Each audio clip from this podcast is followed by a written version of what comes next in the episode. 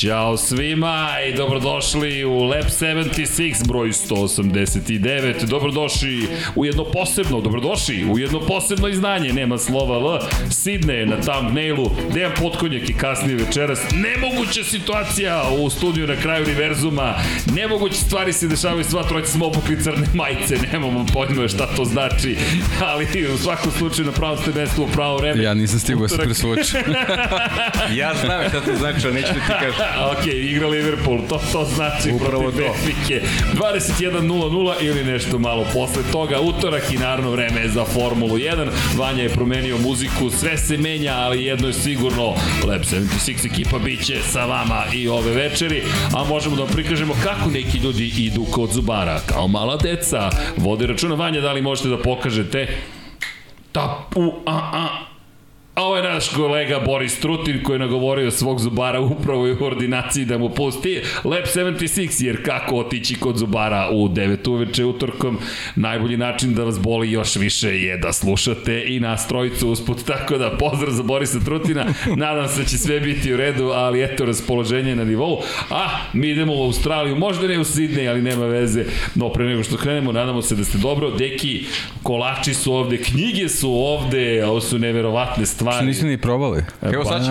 Dom Ne, ne, Pavlo sad nam je pretio i rekao, dobro. nećete valjda to da, Ja, ja, da ću, ja, ću, ja ću sada na početku, zaista, da, na početku mi, bit će mi kasno posle. Da, okej, okay, pa je, dobro mi izgledaš, pa, Hvala ti. pa je potpuno u duhu Formula 1. Sk- Skidanje kilaže sa bolida i pa je rekao, okej, okay, Šta ako se desi da im zafali neki vozač, a niko, ne, mo- niko Hulkimer ne može? Pa mora budemo u formi. mi znamo ko će. Inače, ukoliko očekujete da se njen potkonjak uključi pre pola 11, ja mislim da silno grešite. Šalimo se, naravno, tad, do tada će Liverpool već voditi 3-0, tako da ćemo biti mirni. Ali činjenice da, kad je Deki tu Liverpool igra, to je neminovnost, jedna kosmička. Deki, hvala ti što izdveš vreme u ovom trenutku. Ali bilo je vreme. Dve trke su već iza nas. Moramo da čujemo i tvoje mišljenje. Moramo da najemo Australiju posle tri godine i posle tri nedelje. Dejan Potkonjak je sa nama, a Formula 1 je u Melbourneu. I naravno, mazite se i pazite se i vozite i vodite računa jedni drugima, jer lepo je biti ljubitelj Formula 1, lepo je biti dobar, tako da eto, nadamo se da ćete uraditi nešto lepo, pozitivno, udariti like, na primjer, na ovaj video, jer to naš čini srećnim.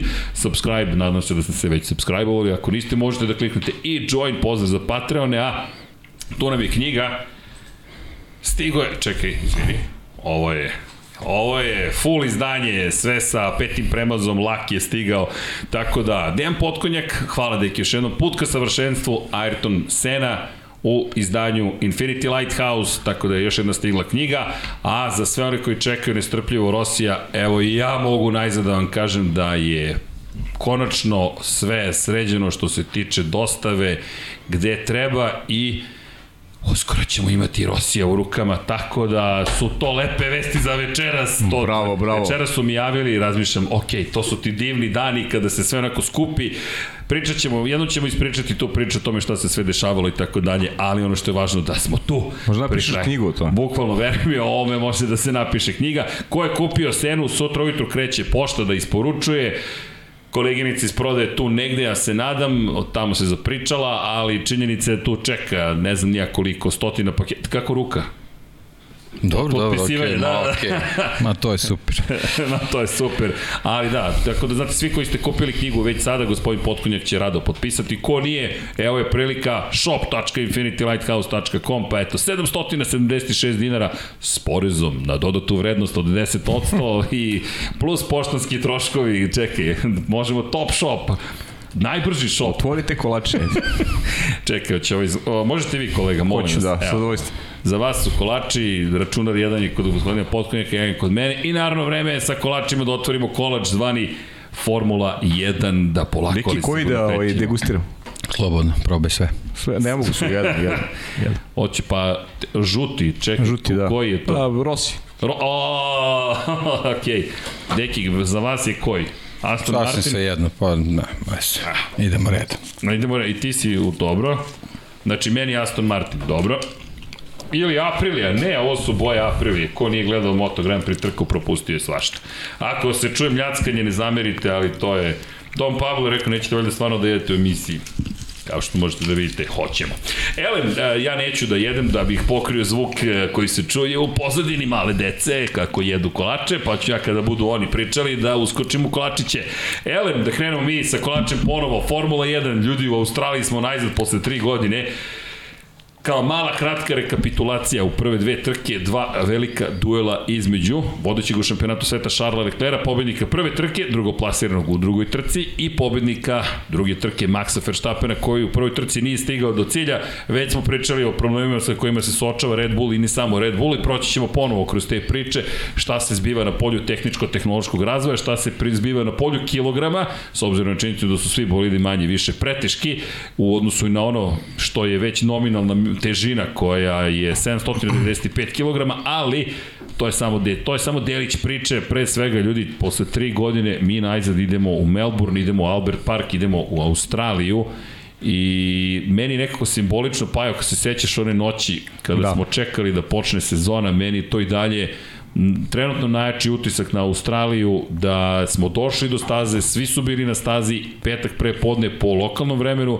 to je četvrtak manje više ponoć, noć, na četvrtak na petak, mi čekamo da li će biti trke i usled COVID-19 i pandemije dobijemo informaciju da trka bukvalno otkazana u poslednjem trenutku. Prve naznake ozbiljnije su bile informacije da su Kimi Raikkonen i Sebastian Vettel u to vreme vozači Ferrarija već bili u svojim privatnim avionima na putu kući. Da, ali ta priča nema nužnu veze sa njihovim zakonima i svem ono što se dešavalo sada ove godine i ove zime, znaš na šta aludiram, ali E, generalno to je bio onako uvid u jedan turbulentni period, ne samo kada je 1 u pitanju, nego kada su životi cele planete u pitanju, tako da i mene to asocira definitivno na, na Australiju i kako bi ti rekao, negde se radujem iz tog e, sportskog aspekta što ponovo idemo u Melbourne Park, a s druge strane cela neka priča prateća vezano za, za, za Australiju nije baš ovaj, savršena, rekao bih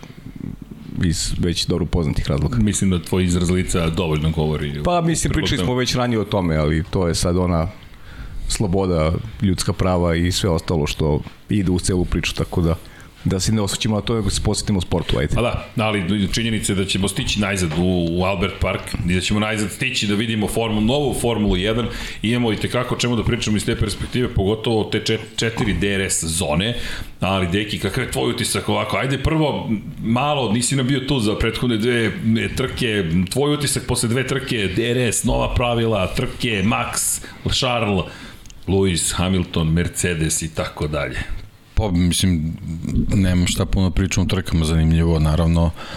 Ovaj, možda i neočekivano zanimljivo, ovaj, pre svega veoma mi je drago što se eto nova, nova ekipa i nova stara ekipa i, i vozač uključio u, u, u tu čitavu borbu, ovo eto Max izgleda nema sreće da, da dominira šampionatom, mm. nego će morati svaki put ovaj, prilično se potrudi ako želi nešto da uradi, ali dobro, to je ta lepota sporta koja nama, koja nama treba i to takmičenje, ovo iznenađujuće loš Mercedes, mislim moram, moram da priznam bez obzira koliko ovaj, nismo, nismo možda to ni hteli da priznamo i, i u nekim trenucima pomisliš kao, ma dobro, to je možda trenutna slabost, bit će sve okej, okay. mislim, stvarno, stvarno su izgleda promašili temu što se tiče tog početka sezone i, i treba će vreme to da se ispravi, ali dobro, to je, to je Mercedes, ovaj, ako mogu da, da, da pregrupišu snage, možda će nešto da uradi, da urade, ali ovaj, treba imati na umu da su i oni ovaj, doživeli ovaj, prilične ovaj, promene što se tiče ljudstva, znamo da je dosta, dosta inženjera prešlo i u Red Bull i u neke druge ekipe, da onako bilo baš čerupanje tog, te neke okosnice tima koje je generalno ovaj, postavili Mercedes tamo gde je bio prethodnih sezona, tako da, ovaj, eto, ali bez obzira na sve to ipak očekujem da, da, će, da će i oni ovaj, malo, malo da se ovaj, pregrupišu i da, i, i da pojačaju čitavu čitavu priču, ovaj, ali, ali generalno mislim trebamo eto da, da uživamo u ovim nekim trkama koji su se pojavile između Ferrarija i Red Bulla, pre svega između ovaj, Leclera i, i, i Verstappena E sad ono, naravno, to sad pričat ćemo, analizirat ćemo te, te DRS zone koje si već spomenuo, možda se malo pret, preteruje u, u, u njihovoj mm -hmm. količini, onda sa druge strane ne vodi se računa, računa o njihovim pozicijama na, na stazi, pa onda dolazimo do ovih situacija gde se vozači igraju bukvalno na mački i miša, ko će, ko će koji metar pre da, da zgazi ili neće, to je onako malo, malo ubija čitavu priču, ili jednostavno Formula 1 je vožnja znam, gaz do daske, kočenje maksimalno i to je to, a ne, a ne neko ovaj, proveravanje, pipkanje, opipavanje, to jednostavno nije, nije Formula 1, tako da ovaj, nadam se da će malo voditi računa o tome, sad što se tiče ovaj, same Australije, lepo je da smo se konačno tamo vratili, ovaj, ja sam nekako ipak više onako fan Adelaide nego, mm -hmm. nego ovaj, Albert Park, ali nema veze, mislim Albert Park isto ovaj, u istoriji zauzeo svoje mesto, bilo je tu i dobrih borbi i, i nekih spektakularnih situacija na ovaj i onaj način, tako da generalno uh, treba da se vrati, ako ništa drugo, eto kao znak da smo se možda vratili u neku, u neku normalu i da će, eto, posle te trke sve da bude kako treba. da. ako, ako već nije bilo kad se, ovaj, u onoj situaciji koju je Srđan već opisao kad je jednostavno čitao karavan bio tamo na kraju ništa nije bilo od trke. E sad, 4 DRS zone, baš zbog onoga što sam rekao, zbog njihovih pozicija, Ovaj vidjet ćemo kako to sve izgleda ovaj na Albert Parku, ovaj ali jednostavno plašim se da da ponovo ne dođemo ove neke situacije, a, a sama staza zbog svoje neke konfiguracije nije baš tako jednostavno da da da da možemo da da priuštimo takve situacije e, i ta neka popuštanja. Tako nadam se da ovde toga neće biti, ali iskreno mislim da su 4 DRS one suviše. Jesu mnogo, a opet s druge strane očigledno poučeni iskustvima iz prve dve trke, trke ovaj, negde ljudima je zabavno što imamo tu vrstu borbe, ali, ali ne vidim da postoji drugi način za preticanje na nivou tih velikih timova osim DRS. U nekom čistom trkanju bez DRS-a ne verujem da može doći do neke promene poredka. Kada govorimo sad relacija Red Bull i Ferrari i onda se možda malo više insistira na onome što je zabava za navijača. To je to je e, trkanje Maxa Verstappena i, i Charles Leclerca koje je u centru pažnje. Pa da, ali, ali nekako sa, sa 4 DRS-a malte ne dolazimo u situaciju da je DRS otvoren tokom, tokom čitavog kruga, kruga, tako jest, da jest. malo možda gubi, gubi mm. svoj smisao. Opet, sa druge strane, Albert Park je pokazao da ne prethodne DRS zone, druga i treća posebno su možda i sasvim dovoljne za, za ovaj neka razmišljanja o manevrima, tako A da... A i blizu zidovi da, na, da. određenim delovima staza, opet da možda bude onako i prilično i komplikovano za vozače. Tako je, ovaj, ali, ali eto, ovaj, ajde, ajde da vidimo sada, ne prejudiciramo stvari, ali, ali eto, generalno mislim da ipak četiri zone su ovaj, suviše u smislu da se pomalo gubi smisao svega toga. Da, da, samo da napomenemo kada pričamo o četiri zone. Četiri zone, ali, ali, ono što je mnogo važno u celoj priči, dve zone, to je dva, dve linije detekcije. I to je ono što je velika razlika u suštini odnosno ono što smo do sada imali.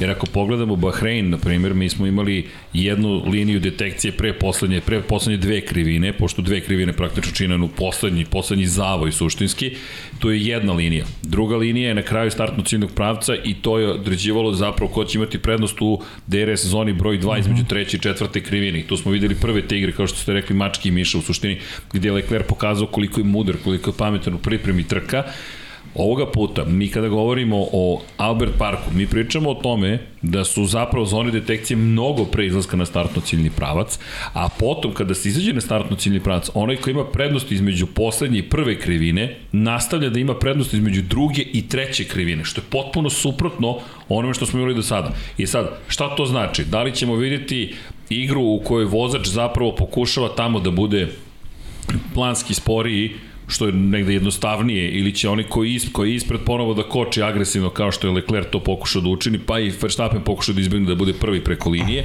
jer mi dolazimo onda u situaciju da ti mnogo pre izlaska na startno ciljni pravac zapravo kočiš, a onda čekaš zapravo svoju sudbinu gde neko ima otvoren DRS. I druga stvar, što treća i četvrta istu situaciju imaju. Imaš jednu liniju detekcije i potom kroz i prvu, treću zonu možeš i kroz četvrtu zonu da koristiš DRS. Tako da to može da bude drugačije odnosno na prethodne trke. Kao da nemaju mnogo o čemu da razmišljaju, pa im još samo i to da, fali da moraju da, da pazi gde, gde je linija detekcije. Jeste. ne znam, Albert Park iz te perspektive, lepo si, lepo ste bojica rekli, kad celu stazu imamo u DRS-u, ono što je naravno problem što onaj ko vodi je zapravo kažnjen na, kroz polovinu praktično staze i dolaziš do pitanja, ok, šta, sad, šta ćemo sad sa, sa, sa DRS-om. Ali kao što je pa rekao, djeluje da ne možemo da imamo zabavu koju smo imali u prve dve trke ako nema DRS-a. Pa ja ne vidim da, da uz nova pravila i sve ono što je najavljeno da, da možemo da dobijemo zabavu bez korišćenja DRS i čini mi se da se zbog toga i toliko potencira i, i šire se te, te zone detekcije, tako da Ajde vidjet ćemo kako će izgledati, malo smo se odvikli od Albert Parka, hoćemo da, hoćete da vozite večeras ili šta jeste? Pa vozit ćemo onu verziju koja još uvijek postoji. Da, to, da, da. Vanja, ne znam da li je, uradio je update, ali ne znam da li je promenjena staza. Ok, o tom potom, da ajde, polako. Obratimo pažnju. Ima vremena ali... do vožnje, ajde. Pa, da, Znaš da ne smeš nas da puštiš u igrice. Čim nas pustiš u pa, igrice, dobro, da, to nego... deca polude. Ali, o, ali... Ja verujem da imamo i neku novu publiku koja možda imala prilike da gleda do sad trke na Alde parku. Prošle, da. prošle godina od, od da. kad smo se... Da, da, a inače kad biti... spomenjem igrice pravio sam upravo neki tekst za, mm -hmm. za jedan magazin za koji radimo ovaj, 82. što će reći pre 40 godina Atari izbacio pole position. Oh, Tako da, eto, specijal. specijal. Pole position specijal da, da se napravi. Da. Mogli bismo da vozimo I ja. Ili imaš Atari? Moram da nabavim Atari. Ne, Znam imaš celu godinu, ove godine se obeležava 40 godina. Za 41. Da, naći ćeš, da. da. Za 41. da uzmu i da nađemo adekvatnu stvar. Pa dobro, vidjet ćemo, pazi, probat ćemo da nabavimo u svakom slučaju što Atari, što da vidimo kako to izgleda najde u poređenju sa možda nekim napretkom kako su igrice napredovale PC era, Sony era Xbox, ne znam, da uporedimo i te stvari. Mada smo mi pa, evo, Vanja već fraj da smo, o ne, PlayStation je PlayStation. Da, dobro, Vanja, sve sam razumeo. Ali da, da ne odemo tamo predaleko, ali ti si upravo, pa zanimljivo je, ej, možemo da stavimo anketu, ko je do sada zapravo gledao, ajde to da pitamo, evo da vas pitamo, da li je neko od vas Ajde, da obrano pitanje. Da li ima nekoga ko nije do sada gledao veliku nagradu Australije? mislim, mislim da bi okay, to bilo biti. krajnje zanimljivo. Evo malo pitanje Da li ima... Ma ti ja smo komentarisali, da ne, komentarisali smo da više puta ovaj... Gledao Melbourne Park, da. da. F1 u Australiji. Dobro pitanje, pa je baš... Pa, da, mislim, ne. Logično. Da li ste Ask your community. Evo da pitamo. Pa da vidimo. I naravno udrite like. Ljudi, molim vas, pa nema smisla. Skupila se cijela ekipa da krenemo ove nedelje žestoko u aprilu. Inače, u aprilu ćemo imati dve trke. Za dve nedelje se već vraćamo na stazu i to na veliku nagradu Majamija. Nećemo je sada najavljivati, ali samo da vas podsjetimo da ćemo imati prvi put priliku da gledamo veliku nagradu Majamije, pogotovo novo, ovo je staza koja je potpuno nova. Pričat ćemo o tom experience-u, to jest iskustvu koju žele da pripreme, ali naš uzbuđuje zaista ovo priču Albert Parku s obzirom na činjenicu da će ovo biti, inače ovo će biti 25. trka u Melbourneu, to je trebalo da bude pre dve godine veliki jubilej, četvrt veka praktično, 1996. godine organizovana prva trka, čuvena trka u kojoj Damon Hill slavio pobedu, a na poziciji broj 2 bio njegov klubski kolega, no debitant Jacques Villeneuve, koji inače vodio i koji je do pet kruga pre kraja imao prednost, međutim onda je počelo da curi ulje i završilo se sa uljem pokrivenim bolidom Williamsom čuveni na prvoj poziciji za Jacques Villeneuve, ali već tad je bilo jasno da je stigao jedan ozbiljan trkač u šampionat sveta Formula 1. Inače, kada pričamo o ne samo ovoj stazini, već i velikoj nagradi Australije, velika nagrada Australije 1985. godine u šampionatu sveta i neprekidno je vožena do COVID-19, dakle Adelaide je bila domaćina do 1995. godine, a onda Albert Park i mnogo zanimljivih trka je bilo, bilo je specifičnih vremenskih uslova, zanimljivih kvalifikacija, po kiši, odlaganja, pomeranja, bilo je svega. Da, pomeranje za nedelju, to smo imali. Dakle, i sećaš kvalifikacije, a, a inače se vozi rano ujutro, pa je to jedna dupla zabava, dakle, moramo ja da imam, da ja se sećam jako dobro. da, to je bilo zanimljivo. Inače, ko nije gledao do sada, nemojte zaboraviti da će biti termin vrlo vrlo rano ujutro. U 5 ujutro krećemo inače, kada je reč o, tako, trening broj 1 je 5 uh, ujutro, jest, pet pa ujutro. do 6 traje, pa potom od 8 do 9 je trening broj 2, od 5 do 6 trening broj 3. Da, da konačno. Da, konačno, čovjek. konačno, da znaš, da. ist. A trka je u 9, u, nedelju, u 7 u nedelju. U 7 u nedelju krećemo. Da, da. Odleti trku posle pijaca, sve u redu. Pa, tako je. Cegeri. Pa, da. Mi inače idemo tako te, sa cegerima pa, da. idemo na, na prenos. Posle toga Moto Grand Prix, velika nagrada Amerika, a Vanja je malo požurio sa grafikonom, pošto mi ne da da napravim najavu, ali nema veze, sve je u redu, Vanja, ti, ti izrežiraj nam. On prati svoj ritam. On prati svoj ritam, da, pošto a, da. sam propustio da kažem ko je najviše puta pobedio, nisam propustio, samo imamo priču o tajmingu, tako da nemojte da brinete, dragi kolega, sve je u redu, sve pod kontrolom, puška je zakočena. Dakle, Mihael Schumacher, kad je već grafikon tu, te, nagradno pitanje sam imao, ko je imao najviše pobjeda posle Mihaela Schumachera, hvala ti ovo što si mi, ja se sećam da smo se to dogovorili, ali hvala.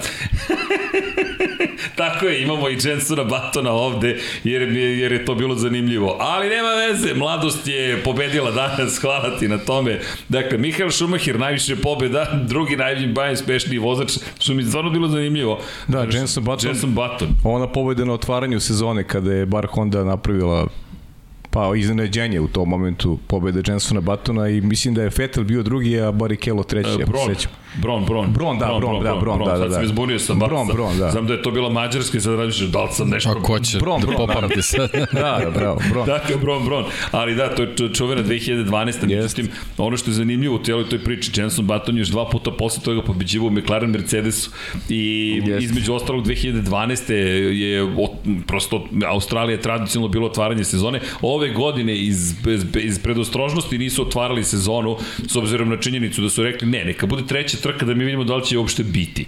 Jer poslednje što Formula 1 treba u ovom trenutku je, to jest ove godine bilo, da kažemo, bit će trka u Australiji, onda se desi da nema trka Ne, i bilo je, mislim da je između oslog bilo i rizično zašto su novi bolidi u pitanju.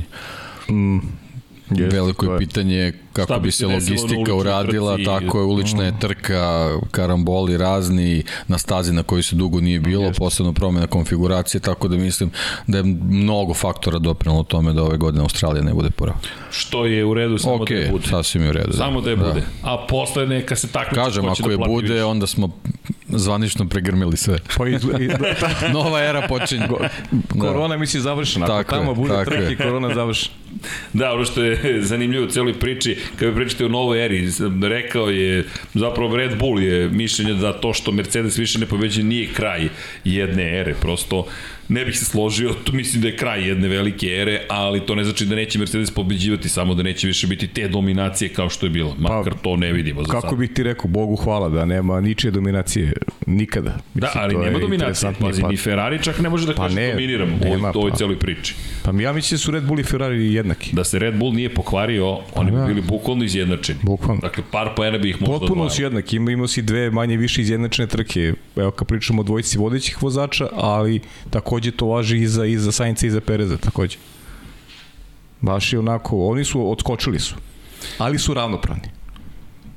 I nešto slično očekujemo u Australiji, mislim, ne vidim da će da, se nešto promeniti. Da, odskočili su nekako kad, kad pogledaš malo, kad onako prođeš kroz celu priču nekako ni jedna ni druga ekipa ne, ne odaje 100% onako sigurnost da kažeš da je sve skockano i sve na svom mestu. Mislim, Ferrari onako baš prijatno iznenadio, ali, ali nedostaje tu još po nešto, očigledno i Red Bullu, ali, ali generalno kao to što si rekao, odlična je stvar, što su baš prilično izjednačeni yes, i onda da. Super jednostavno dobiješ, dobiješ situaciju gde sa nekom ne, ne, nekom, nekom nepredviđenom u stvari situacijom dobijaš neki zaplet koji ovaj, bukvalno ne možeš da očekuješ određenom trenutku, tako da ovaj, možemo samo da navijemo da se tako nastavi. Samo navijemo da se tako da. nastavi da. i da navijemo da Leclerc. Ali kažem, samo bez onih pipkanja i Jasno. natezanja, to, to zaista I da Leclerc da. zadrži da. ovakav divo da. formi, jer za mislim, razliku, mislim da da. Mislim za da razliku da. od Maxa, on nije navikao da bude u kontinuitetu u ovakvim trkama, u ovakvim borbama i to možda bude hendikep, ali opet s druge strane,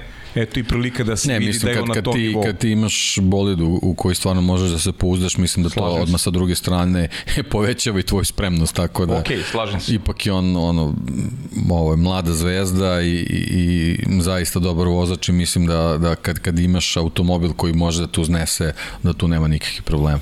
Jel to je odgovor ono što je Paja pričao prethodnih godina da više veruje Leclerc nego u Sainca u ovom momentu za ove situacije delo mi da je Leclerc mnogo više mnogo bolji vozač nego što je Carlos Sainz. Ne pocenjujem Carlosa Sainza samo što mislim da njegova stabilnost sada postaje takođe problem u ovoj situaciji. Jer ovde ti sada treba više eksplozivnost nego pa, stabilnost. Upravo, upravo ta reč, da, upravo ta reč. Znali smo da Leclerc je eksplozivniji od Sainza. Znali smo da je brži da, vozač, da. to nije bilo sporno. Samo I to se vidi. bio bitan taj materijal koji će dobiti u ruke, ali opet stavljamo ogradu i dalje i dalje stavljam ogradu kada, kada je u pitanju kontinuitet i nešto što treba da isporučuješ svake nedelje u odnosu na vozače kakvi su e, Lewis Hamilton, kakav je, kakav je Max Verstappen sebe profilisao, ona prošla godina je bila godina uh, potpunog sazreva, pa nije to samo sazrevanje, to je, ti si postao šampion uh, protiv čoveka koji je jedan od najboljih u istoriji. I to je um, jedan benefit Maxov u odnosu, u odnosu na Leclerc ali dobro, mislim, to je sad nešto oko čega možemo da polemišemo, ostalo vreme će pokazati ove, šta će se dogoditi na relaciji Leclerc-Verstappen. Vidi, i ono što je meni zanimljivo, na primjer, prethodnoj trci, ali to zapravo vraća nas na DRS sezonu. Ajmo ovako da konstatujemo par stvari. Dakle, u ovom momentu u šampionatu sveta Formula 1, na prvoj poziciji Charles Leclerc. Dakle, 45 pojena, 12 više ima od Carlosa Sainca, klubskog kolegije u Ferrariju, 25 pojena ima Max Verstappen, dakle zaostaje 20 pojena, 22 George Russell, koji je bio četvrti i peti u Mercedesu. Maksimum izvukao. Bukvalno, ja mislim da ovo, da ovo sve što je mogu da se, da, da se dobije od Mercedesa. Lewis Hamilton, jedno treće, jedno deseto mesto, 16 poena. Esteban Ocon, zatim 14 i tako dalje i tako dalje. Zašto se, zašto, mada mogu da spomenuti Serhije Pereza kao sedmog sa 12 poena i Kevin Magnussen, onako specijalni pozdrav za čoveku koji vozi za Haas i koji izgleda odlično.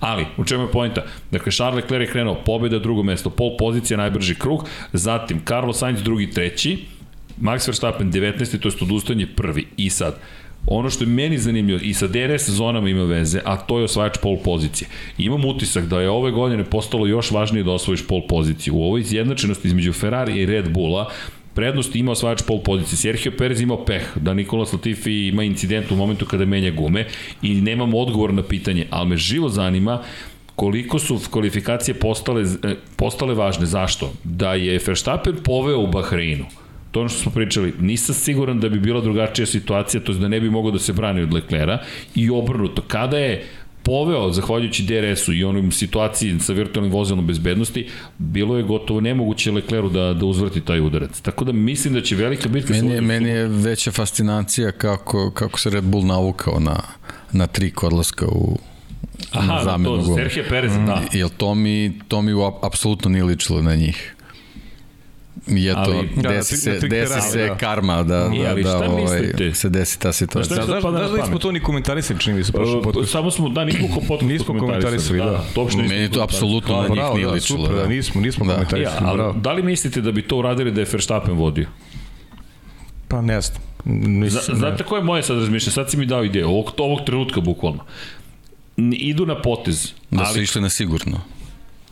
A to je Sergio. Sa Sergio da. možeš i onda teraš Ferrari, to je samo te, nemam pojma da li se to desilo, da. onda Ferrari troši jednu trik akciju, ostaje mu još jedna, Serhija možeš uslovno rečeno da žrtvuješ, ti se baviš Verstappenom, Verstappen brani titulu, Verstappen ti zvezda. Pa, znaš kako žrtvovao si ga zato što se desila ta nepredviđena situacija. Možda bi to Serhija odgovarao. Ali, ali ovaj, jednostavno su očigledno odlučili da će, da će igrati na tu kartu i upravo to što si rekao, očigledno da oni i dalje ovaj, kompletna ekipa tokom vikenda funkcioniše prema Maxu Verstappenu. Pa, logično. To ono što je Pajan a, A Serhija je bukvalno sve iznenadio. e, kako, je, jedan u hiljadu Pa sam je rekao, pa sebe je iznenadio, ne, ja ne očekujem ne da samo da nas. Ne, ne, fenomenalno. poziciju, ali ono je bio fantastičan. Da, mislim da se, da se on sad tu takođe otkačio da ćemo ovaj, dobiti boljeg Serhija, onako pravog Serhija što ga je Red Bull i tražio. Tako da, Deki, kad ovaj, ti kažeš da. da se neko otkačio, to pa znači... Pa tako mi, tako mi jednostavno znači deluje, da stvarno, stvarno njega uh, takav maksimum, tako, tako forsiranje kakav je taj krug bio, mislim, stvarno I to na stazi, eto, ni, ni sam od sebe nije očekivao. Sliči su profili vozača, da. Leclerc, Leclerc i Verstappen i Sainz i Perez. Da. Ni od Sainca ne očekujemo baš da, da bude nužno najbolju kvalifikacijama. Ali Perez mi je malo otkačeniji, ajde da iskoristimo ovo Dekijev, Dekijev opis i sjav savršen. Pa dobro, iskustije negde. Ali ima mi tu vatru koju nikad nisam vidio kod Sainca. Kažeš, to ono što mi nedostaje trenutno kod Sainca. Kao... Da, ravna linija. Tako je. Znaš, i to ono što mi nedostaje. Da, da, da, znaš na koga me potiče? Pa to smo pričali, pouzdanost, to je pouzdanost. Znaš ko je on? Pa on, bez, bez, bez potrebnih rizika. Andreja da. Doviciozo, Formula 1. Ali samo ti kaže da. nešto, ali ja sam ti rekao, ja, ja stvarno to mislim, ti znaš da sam ja negde bio, mislim, ja sam protiv, ne, nego ja sam sumnjao u tu, tu, ovaj, Opciju. tu odluku Ferrarija da dovede Carlosa Sainz. Uh, ovako trkanje kako imaju Leclerc i Verstappen, ta vrsta pritiska, Možda ćemo sredinom sezone pričati o Carlosu Saincu kao vozaču koji ima više poena od Charles Carlos Sainz mislim da je pre svega vrhunski tip, pre svega zato što je timski igrač. On je Jest. to više puta i u McLarenu pokazao, znači be, bez ikakvog foliranja, a, glumatanja i tako dalje i tako dalje, jednostavno čovjek e, iskreno ulazi u čitavu priču i vrlo dobro zna kako Formula 1 funkcioniše i ovaj samim tim je je veoma zahvalan za za čoveka koji dođe u ekipu koja treba da se postavi na pravo mesto bez bespotrebnih trzavica u smislu raznoraznih sueta i tako dalje i tako dalje tako da mislim da je kompletna njegova ovaj priča sa Landom Norrisom u McLarenu doprinela tome da mu, da mu skoči cena toliko da, da može da bude kandidat da se nađe u Ferrariju. Mm. Tako da mislim da, da, da, da je prava, prava osoba za tu priču i da a, ako, ako neko treba da odgovara Lecleru u trenutku kad potencijalno može da bude ovaj borac za, za kandidat za, za šampionsku titulu do kraja sezone, to je onda Carlos Sainz. Znaš kako, ja Carlosu Sainzu o ovakvoj instalaciji snaga mogo bi da, da, da uhvati nešto po znacima navoda što, što mnogi možda sumnjaju trenutno. Jer gledat ćemo velike bitke, očigledno dva vozača koji su mnogo brza, a, tu će nužno dolaziti i do grešaka i ti momci iz drugog plana poput Carlosa Sainca bi mogao čak i da iskoristi ovaj Carlos Sainz i Perez, to je to. Pa to je da. to, pogotovo Sainz koji ljudi koji smo došli do i tako 30 trka 300 trka za redom koji završio. Da. Što je to je impozantna brojka. Da, i Sainz... O, o, da Sainz odradi, odradi posao maksimalno. I... Pa da, ali upravo to, nisu to trke koje on završio, eto tek da bi ih završio. Tako je. Upravo on maksimalno izvuče iz svake maksimalno situacije izvuče iz, iz onoga što može i, i mogla bi da mu se otvore neka vrata. Bez da, da, mogla bi da mu se otvore neka vrata u zavisnosti od onoga, jer, jer ova dvojica oni, oni vuku te bolide do maksimuma. U krajnjem slučaju brži su vozači od Pereza i od, i od Sainca. Sa pričamo o toj e, relaciji između, između Red Bulla i Ferrari. E, ali ima tu nekih zanimljivih momenta. Uh, Izvinje, pre bih, pre bih digao ruku za Sainca nego za Pereza iskreno. Sad, u, u, u ovom momentu, ja bih pre digao ruku za Sainz nego, pa, nego za Sergej Perez. Dve stvari. Mislim da je Sainz pouzdaniji i da će završiti više, vrši više trka, prosto ovo što smo već i videli, ali onom, onaj moment da li može da dođe do pol pozicije ili pobede kao što je Perez bio na putu u Saudijskoj Arabiji, to predajem Perezu. Ok. Zato mislim da, da ima tu ni, ni oštricu jednu, na, jednu na, na duže staze, a rekli smo ovo je maraton, na duže staze ja pre, prednost dajem Sainzu. Da, deluje da bi mogao, ali eto vidjet ćemo čeko da može da, da ponovi nešto, ali ovo mi se sviđa što si rekao da se otkačio, to bi tako dobro zvuči, ali Sainz je rekao, na primjer, za Saudijsku Arabiju, da je to za njega jedno ozbiljno iskustvo. Rekao je, na primjer, pred 100 dana ovde sam bio savršen. Znao sam bukvalno 100% mogućnosti, sa 100% mogućnosti sam ulazio u jednu od krivina i bio sam super brz, sada sam bio veoma nesiguran i spor. I ono što je razlika u odnosu na prošlogodišnji bolid, mnogo se manje sigurno osjeća u sebi. I ono što je zanimljivo, inače pozdrav za Aleksu Vuče, imamo dosta grafikona, ali zanimljivo mi je, Vanja, znaš koji? Ovaj poslednji što smo slali, pred poslednji je Sainz, na primer, razlike brzine tokom najbrže kruga kvalifikacijama trci. To je predposlednji grafikon. Dakle, to je mnogo zanimljivo, vidjet ćete posle poređenje između njega i Sain i Leclera, na primjer, koje su razlike bile u brzinama, nešto tu postoji. Ako hoćeš, Vanja, evo, ponovit ću ti ovaj jedan, ovo je Lecler, Let's, i imaš Sainz da ti bude lakše, evo ga Saj. A ako možeš ta dva grafikona da prikažeš s obzirom na činjenicu da su isti bolidi u pitanju ljudi, nešto dosta dramatično. Ne mogu da vam kažem zašto i kako se to desilo, ali deluje da su negde ozbiljno pogrešili kada je reč o opšte podešavanju bolida. Podešavanje bolida ove godine čini se da će igrati ogromnu ulogu. To smo videli po primjeru Mercedesa, konkretno Georgea Russella i čekaj ove poruke ovde lete preko stola. Šta se zbiva ljudi, uputite ne, Sve je pod kontrolom. O, sve. vidiš da je Deki, vidiš da je zadovoljan, Deki je zadovoljan. Da, da, ako može, Vanja, hvala. E, ovo je Leclerc i obratite pažnju na brzinu maksimalno u kvalifikacijama i u trci. Fascinantno je, ovo je inače krug broj 20 10, četvrti krug na ovim pneumaticima. Dakle, kada govorimo o, ovo je, na primjer, za, za, za kvalifikacije, za trku 48. krug, 32. krug na tvrdim gumama, ovo je njegov najbrži lični krug. Pogledajte koliko je mala razlika između njegove maksimalne brzine i to je brzina generalno koju on postiže i razvija tokom kruga između kvalifikacija i trke. Deluje mi kao da je motor jasno ograničen, dakle da se vidi moment kada je došao do svog limita. Crvena boja, inače trka, zelena boja kvalifikacije. Ako pogledamo sada, posebno brate pažnju na levu stranu ekrana, dakle prvi maksimum i sledeći kadar, to je sledeći grafikon, a to je Carlos Sainz, ukoliko je spreman Vanja samo sekund, ok. Dakle, vidjet ćete nešto vrlo dramatično. Ovo je meri bilo fascinantno. Dakle, ovaj Saudijske Arabije već je prošlo neko vreme da se ne vraćamo previše tim analizama. Ali ova priča o Saincu, na primjer, pogledajte Saincova maksimalne brzine. Ovo je super dramatično. Dakle, ovde nešto kao da ozbiljno nije funkcionisalo u samoj trci. I njemu je brzina bukvalno ispod 300 km, bukvalno kao da je ograničena brzina. I sad, možemo da spekulišemo samo, ali ja nisam video ovakvu razliku između klubskih kolega da, da, da se pojavljuje. Carlos Sainz je neki, nešto je, nešto je postojalo za, po mom mišljenju kao problem. Jednostavno, ovo je neobičajeno krajnje. Pa eto, vidjet ćemo da li zaista razumeju šta treba da uradi s tim Ferrarijem ili ne. Ono što su rekli svakako Ferrari da su naučili iz, iz primjera koji im je dao Red Bull u Saudijskoj Arabiji. Samo pitanje, ovi krugovi iz da, trke, da. da li su pod DRS-om bili ili nisu? Uh -huh. E, to je, taj krug ja mislim da nije pod DRS-om. Leclerov. Da, Lecler i Sainz. Moguće da je to onda. Da, Ako da Leclerov nije, onda okej, okay, ali ovo je onda... Da. Nije, Leclerov bi morao da bude, zato što je to bio da, uz Verstappen. Pa onda, da, onda tu Misliš može... da to se svodi pa, sve na... Znaš kako to je ipak maksimalna brzina. I pogledaj, aj vrati da. Vanja samo da vidimo koja je to razlika. Dakle, mi ovde govorimo o 280 km na čas i nekih 310 skoro. Ovo je koji krug? Ovo je Leclerc. Crveni, crveni 48. krug. 48. Da. Pa vrlo moguće da je, da je, da je, da je Ajde, vrati nam onaj drugi. Ne moguće, nego sigurno je DRS. Ne, sigurno da je DRS. Ajde vrati samo, ne, Sainca nam sad daj. Sainz. Da, jel vidiš brzinu u kvalifikacijama, otprilike to je to. To je to. Gde je DRS otvoren dakle, konstantno. Da se vratimo na četiri da. DRS zone. Da. Dakle, bez DRS-a, ćao. Pa da. Posmatrač. Bukvalno si posmatrač. -huh. Što nas vraća, dakle, moraš da ostaneš u DRS zoni. Okej. Okay To mi nije palo na pamet, moram ti priznati. Zaboravio sam mhm. da je on jeste u DRS-u bio u tom momentu. Da, Hvala konstantno u finišu trke. Da, da, da. Pa dakle, to oni su koliko, neki deseta krugova su bili Samo su se smenjivali. Od momenta kada je Virtu na vozilu bezbednosti taj znak bio istaknut. Bukvalno, kad je prestao stvari da važi.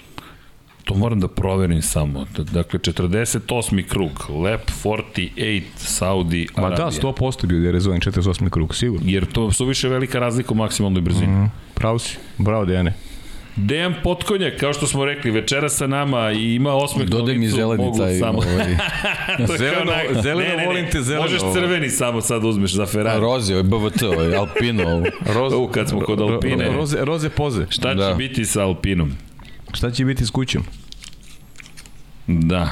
48. krug, Charles Leclerc je u tom momentu drugi. To je to. Pa to je to. Je to. to je to. No, I vi ćete kolega. Roze, da. da. Roze Evo, za Ferrari još jedan. Za Ferrari.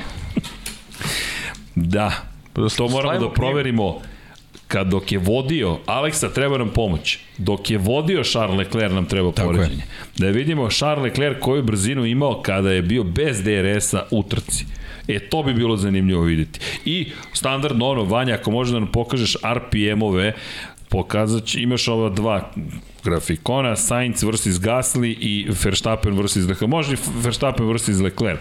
To je više nego... Oh, čekaj, ovo je Sainz Gasly. Pogledaj Sainz i Gasly, obrta je, pri čemu Gasly, na primjer, kada govorimo o, ovo su kvalifikacijama, o korišćenju motora, nije Honda toliko zloupotrebljivana koliko na drugim trkama i ako može oni sledeći, a to su zapravo Verstappen protiv Leclera, Leclerc nije čak ni prešao 12.000 obrte. Leclerc konstantno, vrlo kontrolisano. Čak i Honda ovde nije preterivala. I ono što je zanimljivo... Ja, pa dobro, Honda ima onaj Bahrein, ovaj ozbiljan strah od toga, Verovatno. tako da mm. mislim da je zbog toga. Da, da, da, da, da. A ono što Na vreme su dobili opomenu. Da, inače ono što je zanimljivo, ako pogledamo prvo krivinu, taj prvi sektor, pogledaj koliko malo obrtaja koristi, to ono što je pitanje bilo, taj sedmi stepen prenosa, istražit ćemo zašto ga koriste, zašto se nalazimo u situaciji da se pitamo uopšte šta Ferrari u toj celoj priči radi, ali polako. Inače, izvinjam se, Aleksa Vuček koji je ustanovio, ako sa Linuxa povlačiš podatke, dobiješ jedne s Windowsa druge. Tako da, idemo na Windows. Zanimljivo da je prvi put da za podatke, ali Windows dobija više podataka. Elem, da se mi vratimo na Sainca. Samo ovo bila mala, malo duža digresija, ne zamerite, ali činjenice da Sainz... Vrlo opravdana. Pa, to, bilo mi zanimljivo iskreno da vidim šta se tu dešavalo. Da li tu postoji prom, da li tu postoji razlika, ali ovo deki što govori, to je to je najviše ima, najviše ima logike to. Bitno je da proveriti je samo mesta gde su bili u DRS-u mm. i onda je, onda je jasno. A bilo ih je praktično da. svugde, imaš tri da. DRS zone Tako tamo.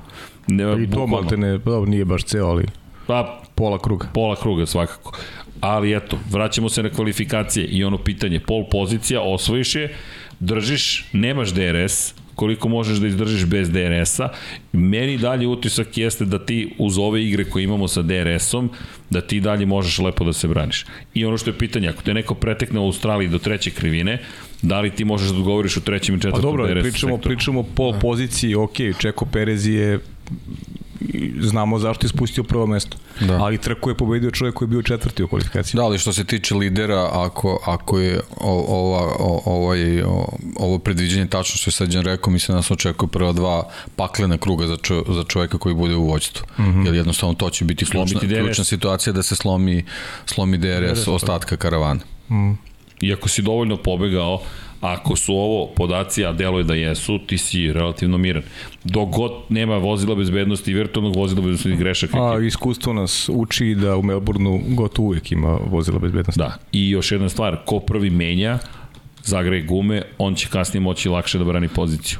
Ali okej, okay, apropo pol pozicije, zato sam i rekao, znaš, ne mora, mislim, naravno da, da, da ništa nije zagarantovano, ali evo, momak koji je bio četvrti u kvalifikacijama na kraju pobedio dobar start odmah protiv Sainca, peh Pereza i ono trkanje u finišu Leclerc Verstappen Ali ne samo dobar start Sainca, već i odluka Red Bulla ne, da ne, dozvoli da Sainz prođe ispred Pereza. Tako je, pa dobro, dobar to, to start. Pride još, da, da, i dobar start i pride još odluka, izvini, ne, ne, ne, to, to 100% si pravo, start je bio taj koji je bio kritičan za Verstappen, da ostao iza Carlosa Sainca, veliko pitanje koliko bi mu vremena bilo da, potrebno, pa. da li bi mogao uopšte da napadne podcast. I ona igra je. kad, kad prepustiti poziciju Saincu, tako, tako da, je, naravno. To, to je bio pravi Red Bull, to, Jest. su, to su bili mozgovi koji u milisekundi tako je, tako je odlučuju šta treba da se uradi za razliku eto tog kiksa dakle, prilikom promene guma. Potpis za thumbnail ali, treba da bude da. Ferrari protiv Red Bulla.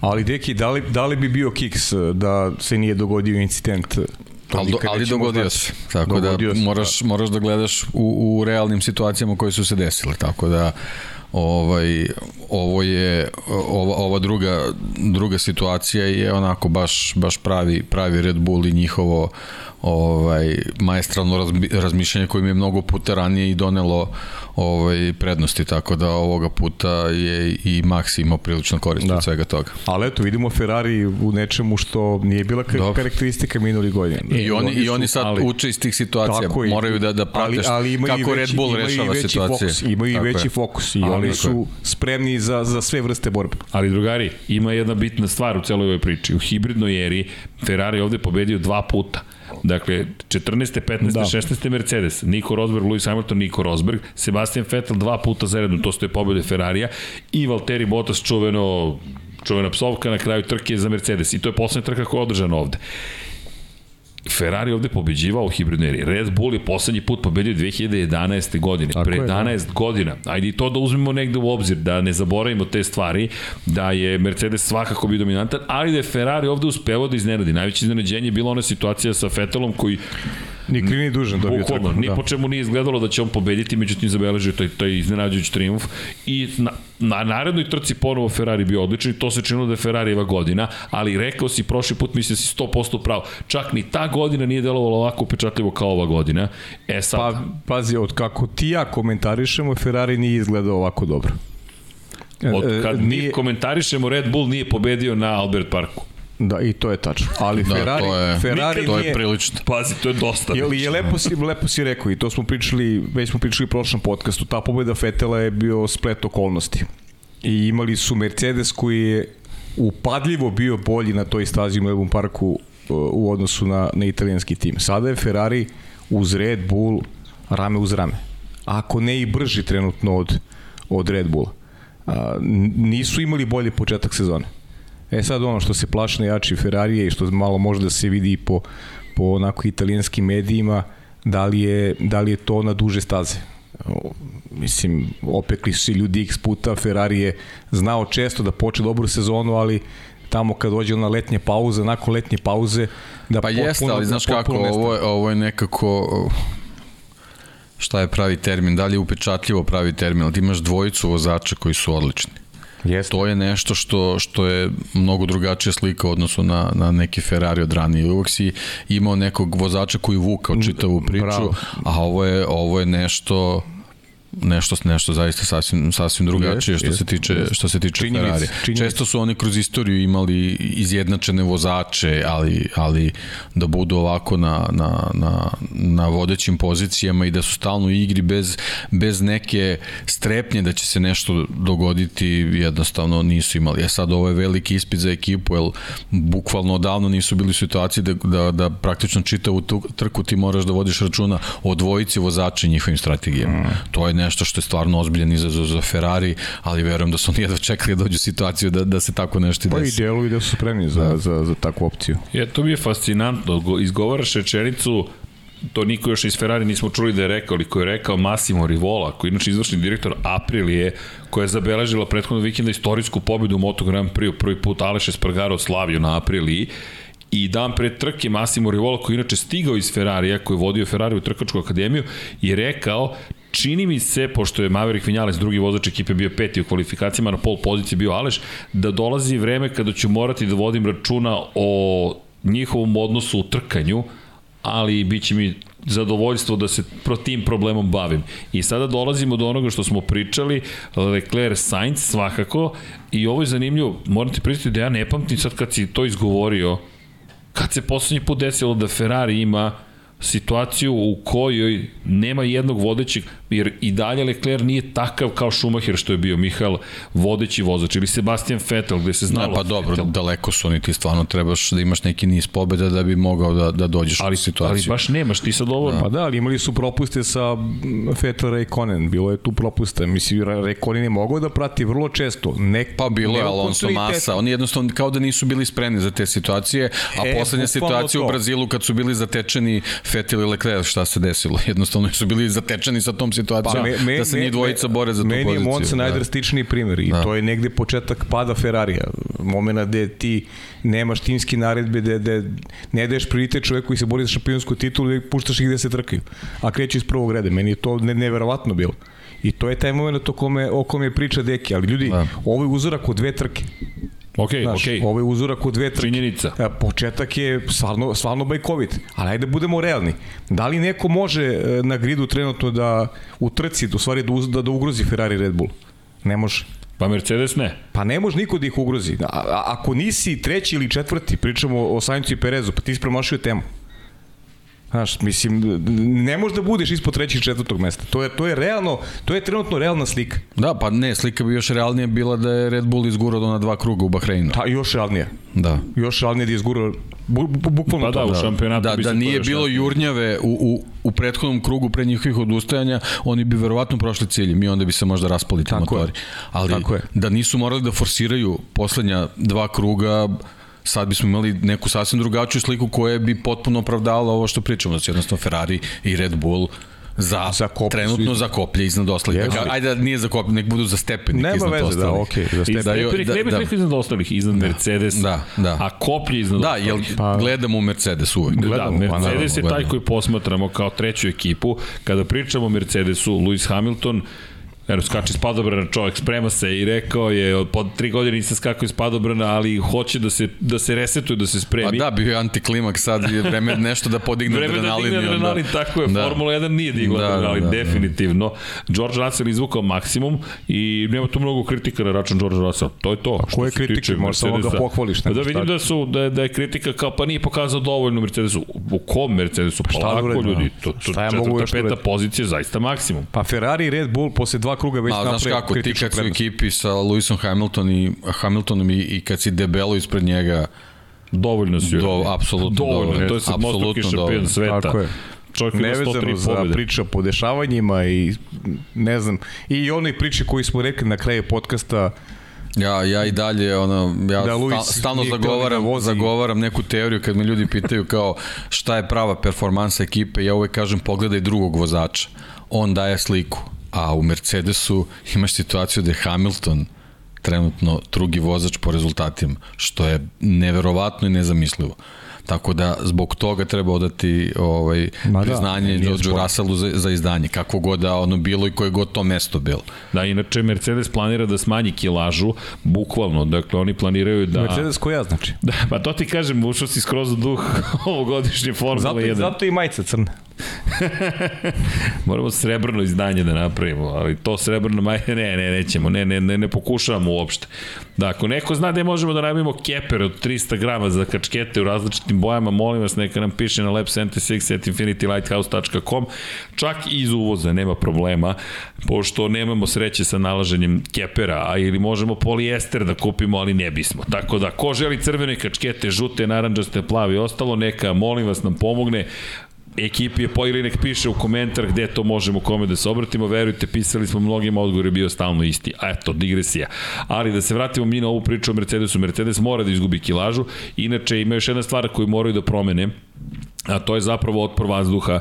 I trenutno ono što veruju da im se dešava jeste zapravo da su promašali kod konstrukcije zadnjeg krila, konkretno srednje, ta, srednje krilo greda, kako god želite, oni ga zovu beam praktično, je, kažu, suviše velikog, velike površine. I ideja jeste bilo da će ono poslužiti zapravo za stvaranje nizgona, međutim to je sada ta čuveni, čuveni kompromis, hoćeš nizgon, to je aerodinamički da negativni potisak ili hoćeš da smanjiš otpor vazduha. Sad šta želiš da postigneš u celoj priči?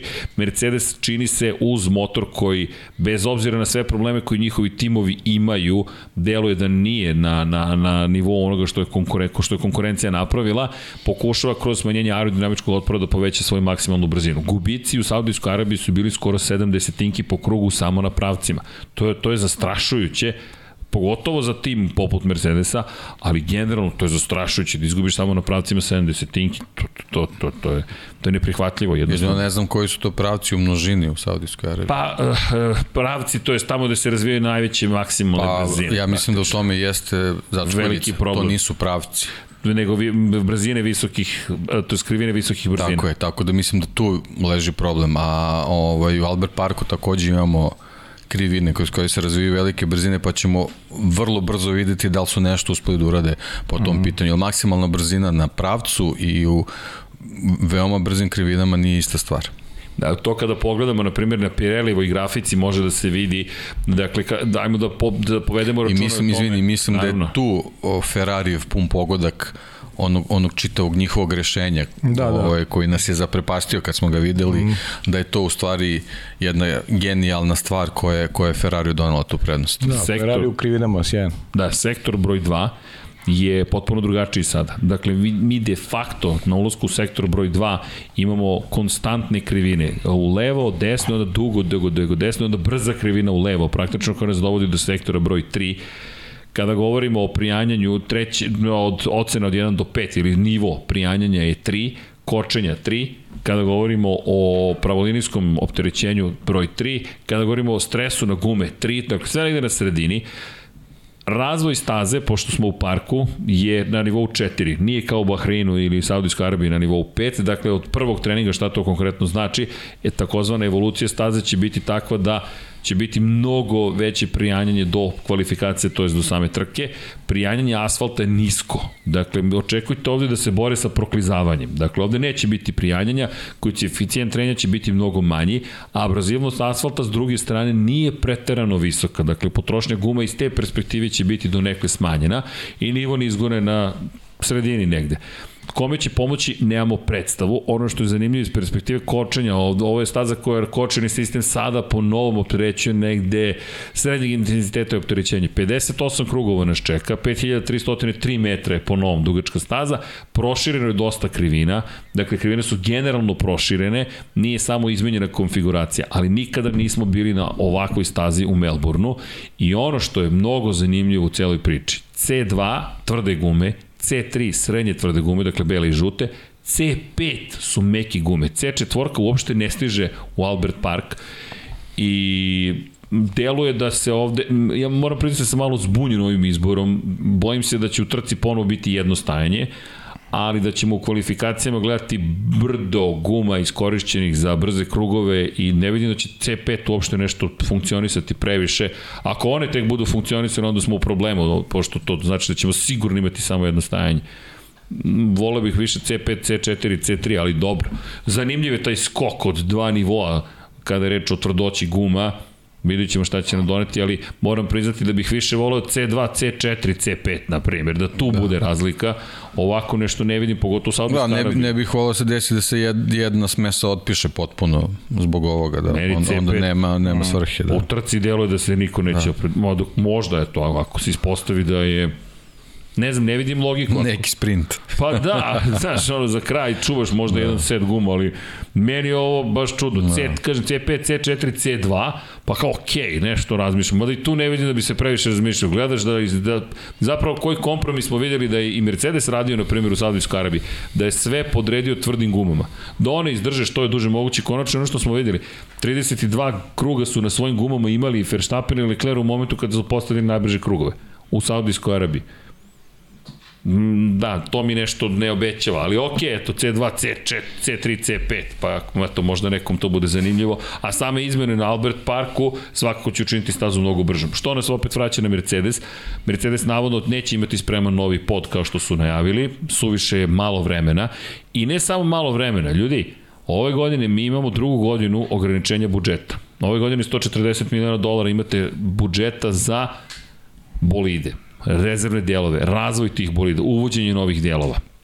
I to je Matija Binotto rekao, dve stvari rekao, inače, iako je to Ferrari, prvo, da je Ferrari mnogo spremniji ove godine za bitku u ratu evolucije razvoja bolida, I drugo, da nemaju nameru da unose nove delove samo zato što im donose performanse, već kada budu morali to da urade, zašto? Moraju da uštede budžet. I druga stvar, sada imate prednost, ono što smo pričali već, a to je do pete trke sezone. Ti do velike nagrade zapravo ne, do šeste trke, do velike nagrade Španije, moraš da iskoristiš bolid koji si napravio pred sezoni. Bukvalno moraš da ga iskoristiš, te štediš gomilu novca i tvoja konkurencija će vjerojatno štediti sve do Barcelone, sad je vreme da napadneš i iskoristiš taj bolid. A onda da vidiš posle Barcelone, to je sezon, to je drugi deo godine, to je 2022.2 praktično, jer tu počinje drugi deo godine da vidiš da li treba da u tom momentu dodnosiš neke nove delove. I mislim da Ferrari zaista pametan po to pitanju, ali nam i govori koliko je ove godine razmišljanje o budžetu važno. Da, ali koliko je Mercedes u problemu. O, ogromno Jer problem. generalno osim aerodinamike niti agregati nisu nešto A to ne možeš da presnažni, da mislim da se razumemo. Jel, to vidiš i kad se vidi drugih timova. I drugih timova koji imaju Mercedes stvarno, ovaj, sad možemo to da pričamo, očigledno da i McLaren ima neke svoje kikseve u, u, u samoj konstrukciji aerodinamici, Williams dobro, ok, mislim pa, to je ok, ali ali ti već možda je poslovično, šta je neki ali, neki neki, da. neki ono neka zajednička priča za da. sve njih je. Problem je što što je ove, ove godine bila igra jako je bila važna konstrukcija samog bolida, a opet s druge strane neke stvari se mora da kompenzuješ e, snagom motora, očigledno da Mercedes m, ni jedno ni drugo ni urađeno kako treba, da li zbog toga što su sve snage usmerili na kraj prošle sezone da bi stigli do te, do te titule, da ujedine sve, sve titule koje, koji su mogli da urade u tom trenutku, pa su mo, možda ovaj, zakasnili, to smo pričali šta znači svaki dan u, u, u razvoju, posebno kad imaš novu generaciju, da li možda tu nešto, ne znam, vidjet ćemo, ili su jednostavno možda bili uvereni da, da su pogodili što se tiče aerodinamike ja bih svega. Ja bih rekao ovo drugo. Da. Ne, zanimljivo Red Bull je bio u istoj priči takođe, pa su ove da. godine opet krenuli u sezonu mnogo, mnogo Da, ali bolje. Red Bull ima Adriana Njuje. E pa dobro, ok. Ali... A kažemo, Mercedes je prilično osakaćen u odnosu Andy na ekipu koja je, koja je razvijala onaj savršeni bolid iz 2020. A, ali ajmo i to da pogledamo. Da. James Ellison se pomerio sa pozicije čovjek koji je bio zadužen za, koji je tehnički direktor praktično bio, ali ne samo tehnički direktor, on je bio na stazi, Adrian Newey je sad na stazi. Dakle, tehnički direktor Red Bulla. Sećate se onih par trka kad Newey nije bilo tu da... Bilo je drame. Bilo je drame. Ellison nije tu. Još jedna stvar, Andy Cowell, to smo pričali pre skoro dve godine. Sećaš kad smo pričali Kako Andy? Cowell? Da. Andy Cowell, čovjek koji je bio zadužen za razvoj ovog mega moćnog, to sada više to nije, Mercedesovog motora je otišao 2020. I evo, Pa tad smo i pričali da to, vidite kako može se osjeti na, na, na Mercedes. Upravo u ovom periodu. I, Tada smo mislili da će to biti 2021. već. Pa Ali znaš se- kako, 21. je bila Da. godina da spremaš ovaj motor. tako Jeste, je, tako jeste. je, bravo deki. To je to, pa da. Pa zato i kažem, e, pričali smo o tome da da će biti problem za 2021. jer se sve je pomereno zbog, zbog COVID. I onda dođeš u situaciju da sada nemaš taj motor, to ne možeš da menjaš, sve ti se svodi na bolid, a tu ti je veliki broj inženjera otišao u pravcu Red Bulla. Red Bulla, da. Da i Toto Wolff je rekao, ne možemo mi da odgovorimo. Ako neko ponudi duplu platu, još i možete da pregovarate, ali kad neko ponudi triplu platu, nema odgovora. I to je... Ako čuješ nekog, daću ti vizit. Pa ne, ali Da. da. realno, pazi, neko ti ponudi tri puta veću platu i šta ćeš da kažeš? Pa Bajk, ne, lojalan, bajk. bajka, bukvalno, to ti kaže, važi. I, i ono što, Spreman si za razgovor, jesi? Dobro, da znam. to kad je puta tri, Ne razmišljaš. samo Pod- ispadaju rečenice. pod tri kapice. Da, da.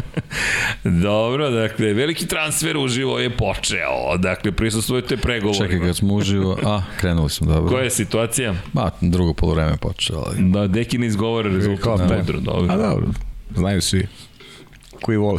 Ja ne znam, okej. Ali, da se vratimo mi na ove plate, puta tri. Tu nema ograničenja budžeta, ti dalje možeš da kupiš Pa naravno, ljude za plate, i da platiš, tako plaćaš. Tako da to je ono što uvek kažemo. Ogranič, uh, uštedećemo.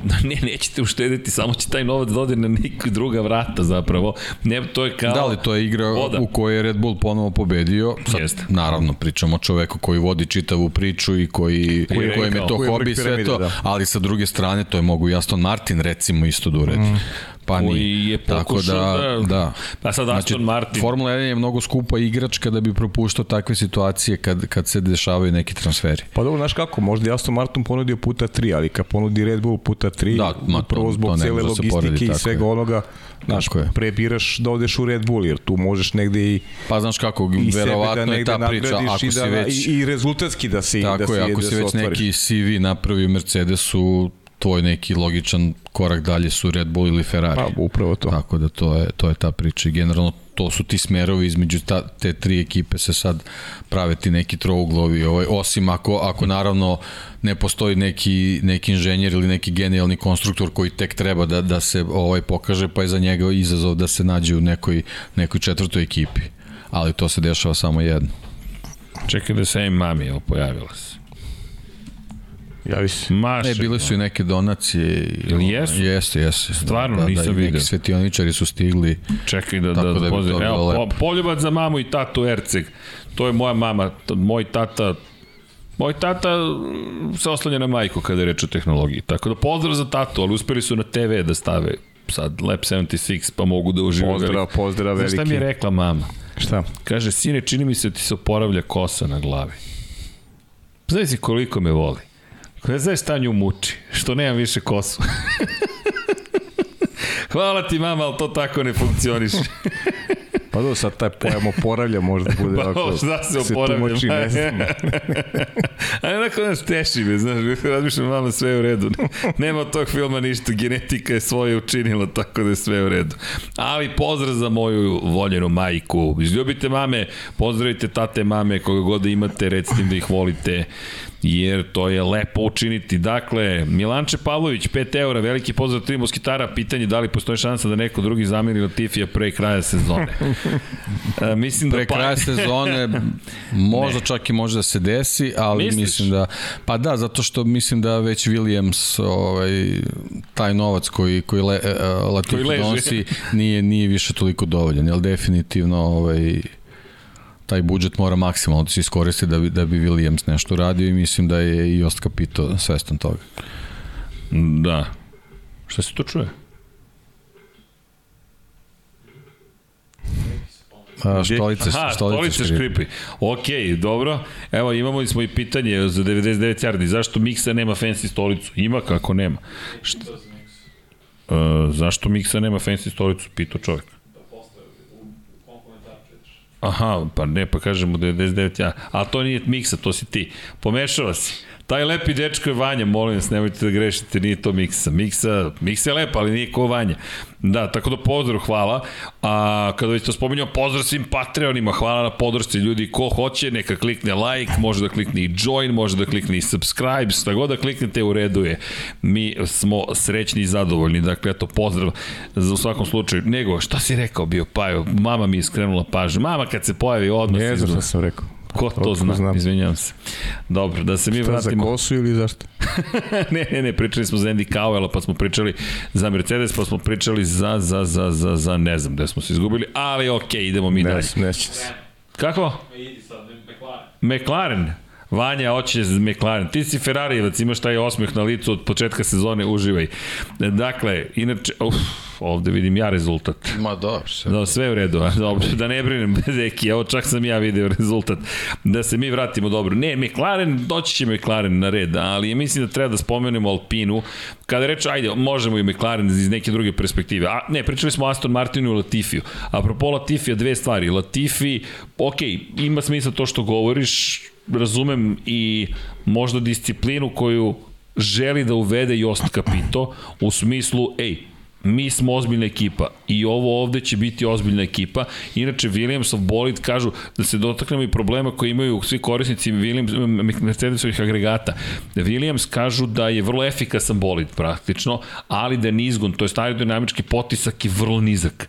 I to je ono što je ogroman problem, da oni su, oni su dakle to postigli. Nizak aerodinamički otpor, ali nema ni prijanjanja bolida. Tako je to ono što je problematično za ekipu Williamsa. S druge strane, McLaren, kada si ga Vanja već spomenuo, McLaren je tim To je, de, de, de, definitivno Deki. Ok, Deki me sad troluje već. ok, dakle, ne, ne, samo razmišljam da li ulazi u slušalici ili samo čujemo ovako s polja, ali McLaren ima problem s kočnicama. I znaš koja mi je teorija zašto McLaren je bio bolji u Saudijskoj Arabiji? Zato što nije bilo toliko snažnih kočenja kao što je bilo u Bahreinu. To mi je teorija. Da su gubili svakako na snažnim kočenjima, to je prva 27. krivina, ali da na ostalim mestima nisu toliko gubili jer nisu imali te, to vrstu problema. Samo moja teorija, ova staza deluje mi da će dozvoliti McLarenu da ponovo može da sanja poen. I mislim da ćemo morati da gledamo kočene zone kada je reč o McLarenu nekako mi ima logike, stalno pričaju o kočnicama, kočnicama, kočnicama. Ako je problem u kočnicama, zašto ne bismo pogledali kočine zone? i videli šta tu može da se desi. I inače, kočnice, moram da proverim da li sve, ko, svi kočni pa, znam, ali elementi... drastično je bio bolji McLaren u odnosu na prvu trku. Ali zato što u, u Bahreinu i prva krivina, i četvrta krivina, i dole spuštanje deveta, deseta krivina, i jedanesta krivina, i izlazak na startno ciljni pravac baš ta opterećuje kočeni sistem to mi, zato sam tog mišljenja. A Saudijska Arabija, prva krivina, snažno kočenje 27. I to je to ti u nastavku vrlo malo imaš snažnih kočenja. Generalno je Albert Partku možda dva snažna Tako kočenja. Je. Pogotovo sad sa novom konfiguracijom. Da. Zato, zato, ali to je samo teorija, to sad hoću da vidim šta će se desiti za vreme vikenda.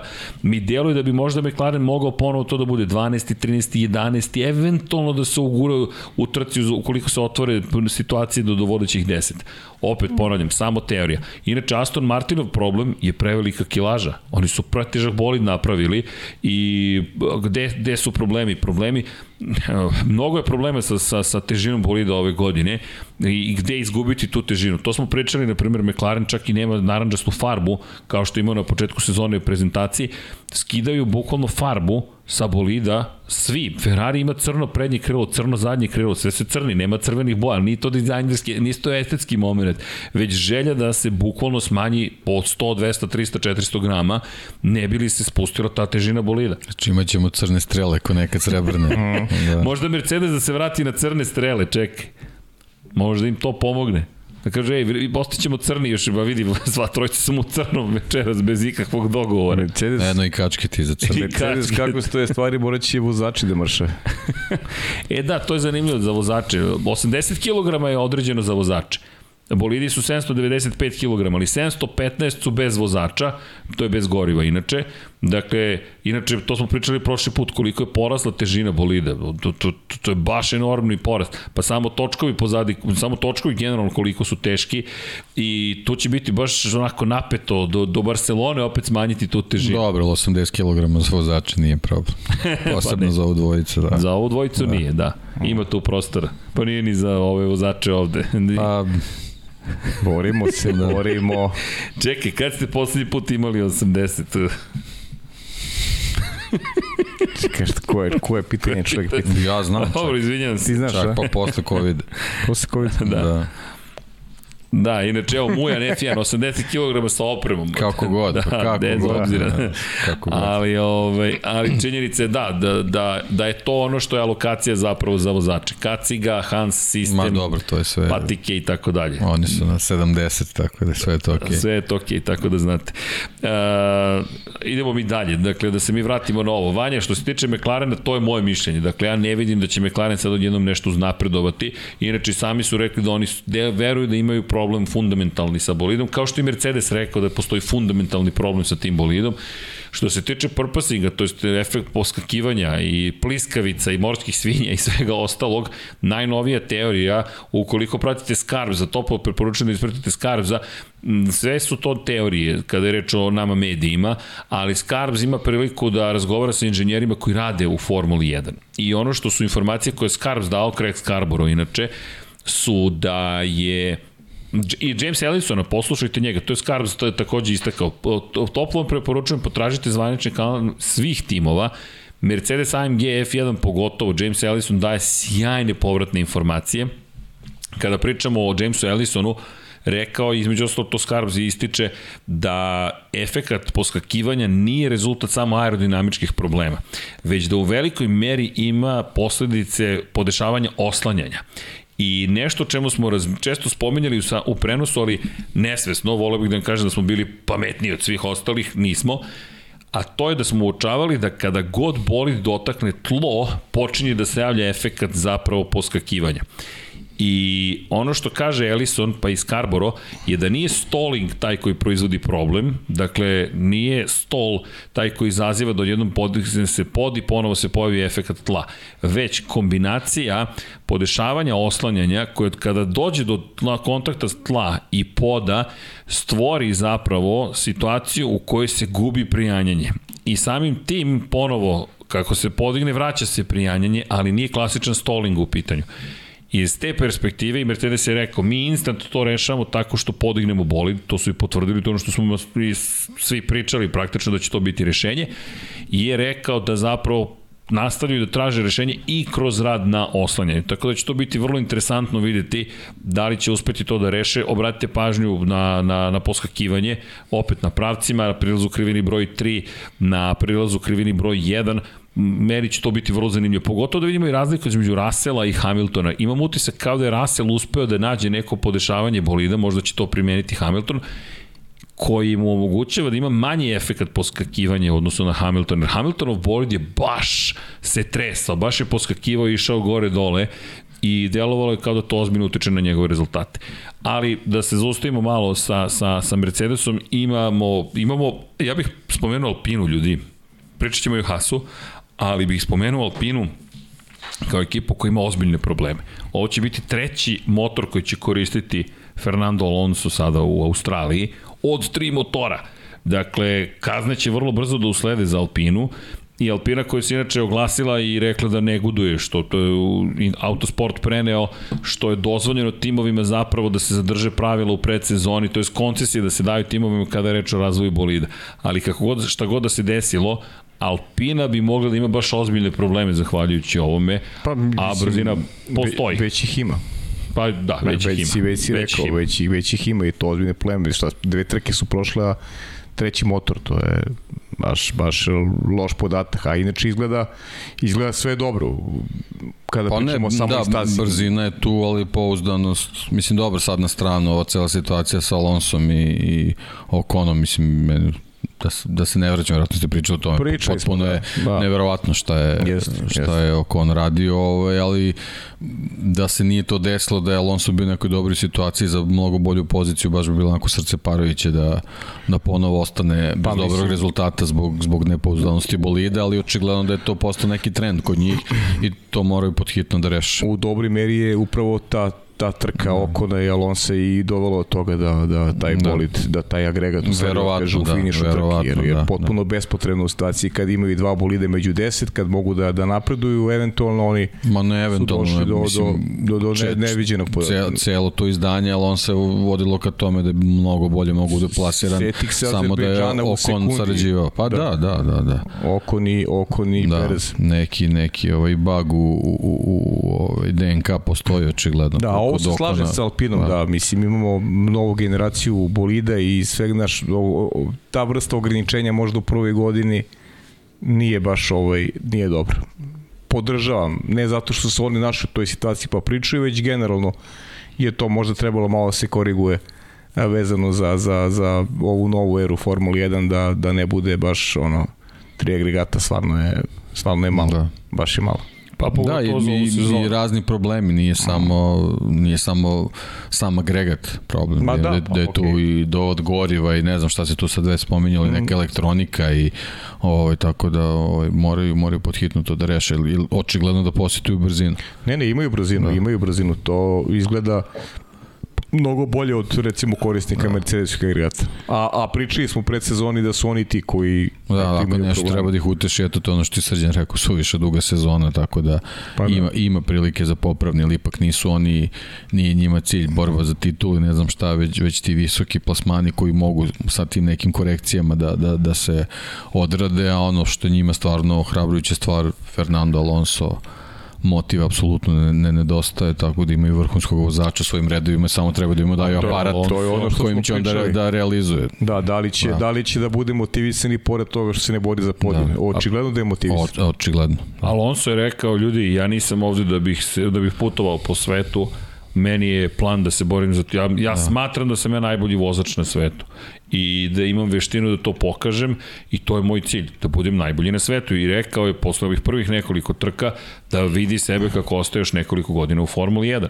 Pa super, I super. Tu, tu, tu, obećava sve to, ne samo njegove reči, već način na koji se ponaša, na koji pristup, na koji se trka. I bez obzira koliko je koštalo trkanje alpininih vozača, Da, da, da li sve te reči znači da će možda gađati uh, i neki neki ovaj ozbiljni angažman, ozbiljniji u smislu pa uh, da mu ponudi priliku da osvoji još neku šampionsku titulu. Ko bi to mogao da bude? Ferrari, Pa da, da ne Red nagađamo Bull, sad, ali Mercedes su tri načeke. Sve je u igri, ali generalno sad je na potezu ovaj Renault, da ne Da. kažem Alpine, koji jednostavno treba čoveku koji im je donao te neke uspehe, a i dalje pokazuje da je i, i spreman i, i, I voljan. i voljan da, da to ponovi, na njima je da to i uradi.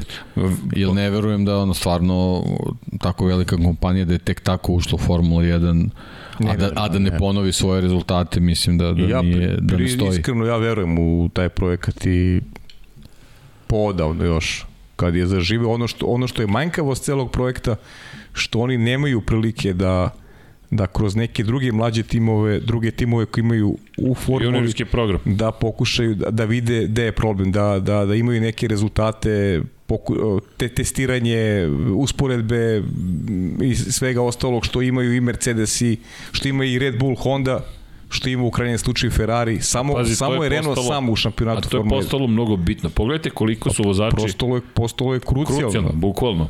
Baš je kritično. Pri čemu koliko su vozači bitni u celoj priči. E, Šta je, šta je rekao Helmut Marko sad baš nedavno za, za F1 je izjavio f1.com zašto su potpisali toliko dugačak ugovor sa Maxom Verstappenom do 2028. Da bi pokazali da po njihovom mišljenju najbolji vozač Formule 1, a izvanično prošle godine, je dugoročno tu. Da bi privukli proizvođača motora za eru posle ovih pravila od 2026. Da im jasno stave do znanja, mi ćemo imati Maxa Verstappena u svojim redovima.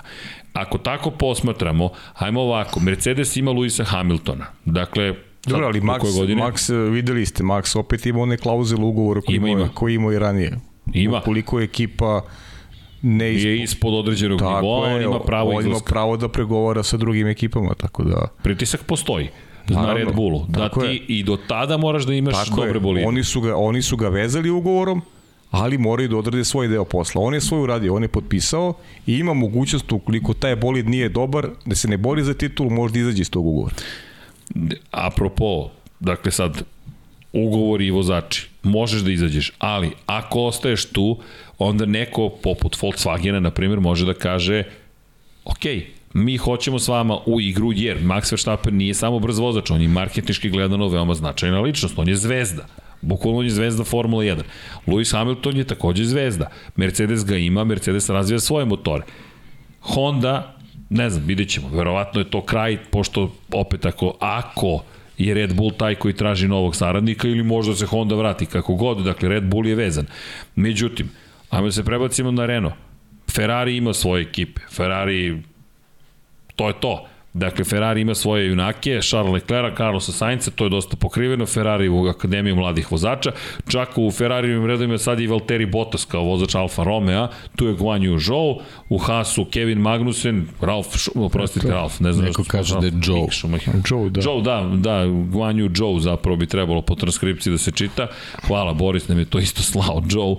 Ali ono što je pojenta je sad dolazimo do Alpine. Renault S kim ću saradnju? Sa Jostom Kapitom i Williamsom? Teško. Veze koje deluju da su sa ka, Volkswagen grupacije vrlo snažne. S druge strane, hoće Aston da, Martin koji je vezan problem, za Mercedes. Problem sa Renaultom je ta neka šira slika, jer Renault je pre svega ovaj, proizvođač automobila i sad je cijela ova situacija sa, sa Ukrajinom, sa zatvaranjem ti nekih postrojenja u Rusiji, povlačenjem, velikim padom akcija, to, mislim, to sad što se tiče Renaulta treba uzeti u obzir i videti uopšte koliko im je sad primarno da, da razmišljaju, razgovaraju o, o, o svom nekom učešću u Formuli 1 za dalje i da li se to poklapa s nekim ambicijama Alonsa i tako dalje, tako dalje.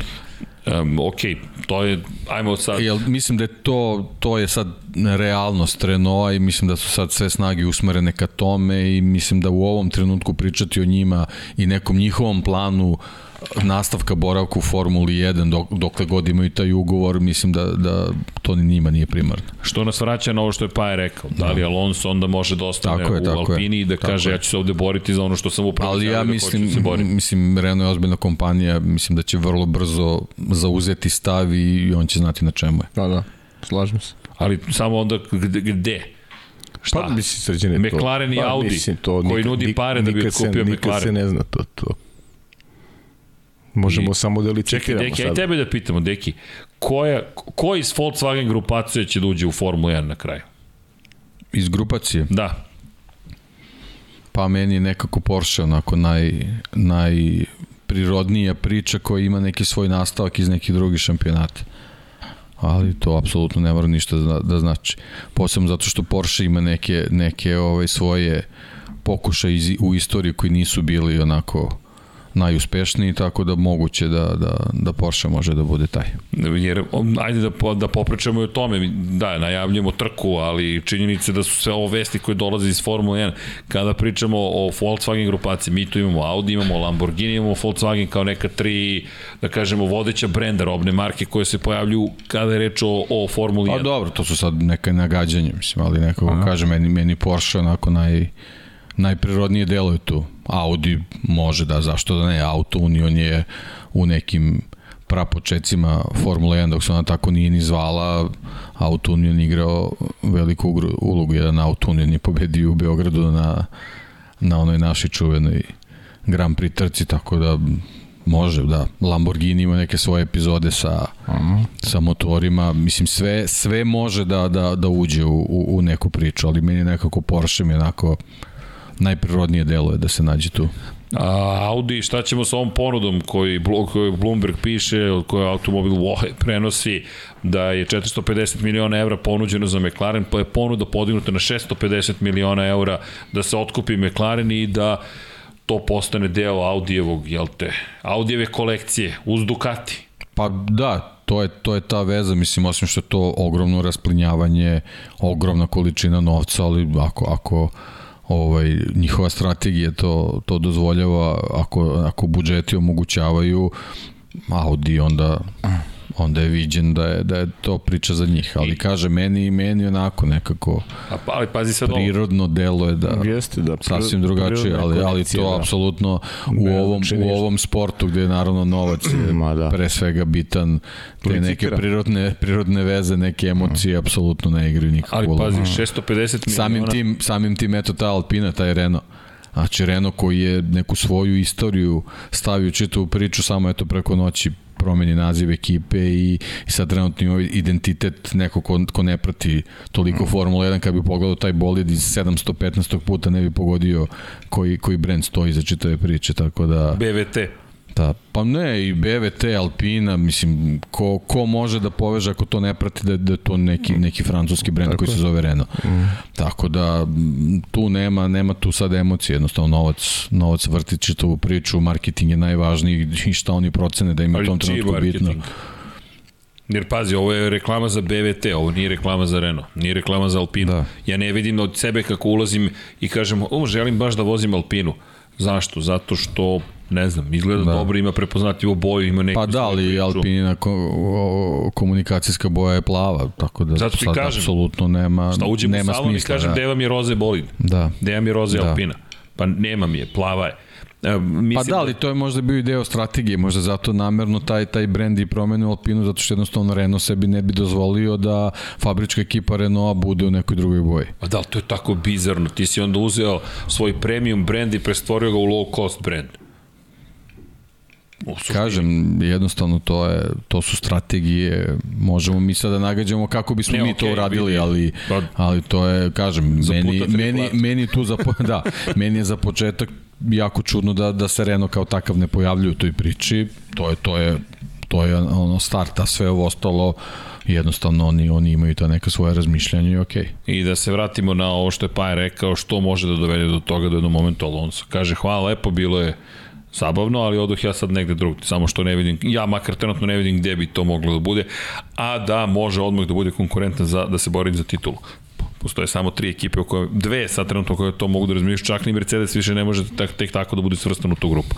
No, ajmo mi da se vratimo u Australiju, dakle, ime- inače Mercedes je ovde, kao što smo rekli, pobeđivao i pobeđivao sam Mercedes 2014. 15. 16. 19.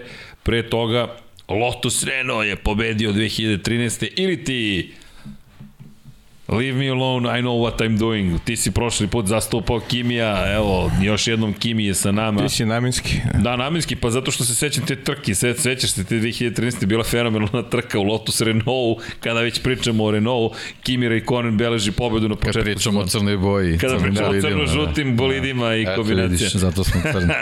pa da, Svi smo crni. Da, pa to je Kimi, Kimi je pobedio tu i u Ferrariju, njegova prva trka u Ferrariju je bila pobeda 2007. godine, bukvalno prva trka i čovek je došao i pobedio. Po- Dakle, kada spominjemo tu neku istoriju, vredi o tome pričati, Red Bull ima samo jednu pobedu na ovom mestu, McLaren ima dosta pobeda, naravno, ali... Da, i kad spominješ te prve stvari, prirodno, pošto je bila prva trka sezone, mnogo vozača je debitovalo na, mm, na Albert jest. Parku, između oslih i Alonso. Tako da, eto, to je onako, to su te neke veze sa, sa, sa generalno velikom nagradom Australije. Da, inače, to ovde su pobeđivali ili Britanci, ili Finci, ili Nemci. Samo par puta ti neki Finci su uskočili, to je ne Finci, prostite, jednom je uskočio Italijan u celu priču i jednom Španac. A Fernando Alonso inače slavio jednom ovde u Renault 2006. Pre toga Giancarlo Fisichella. Čisto da se podsjetimo i tih priča o Renault. Ali šta očekujemo od Alpine? Pa verovatno opet isto, da se bori za plasman među osvajače poena, osma, deveta pozicija. Pa, mislim da verovatno. su, da su tu sigurni, da. Sedma i to je to.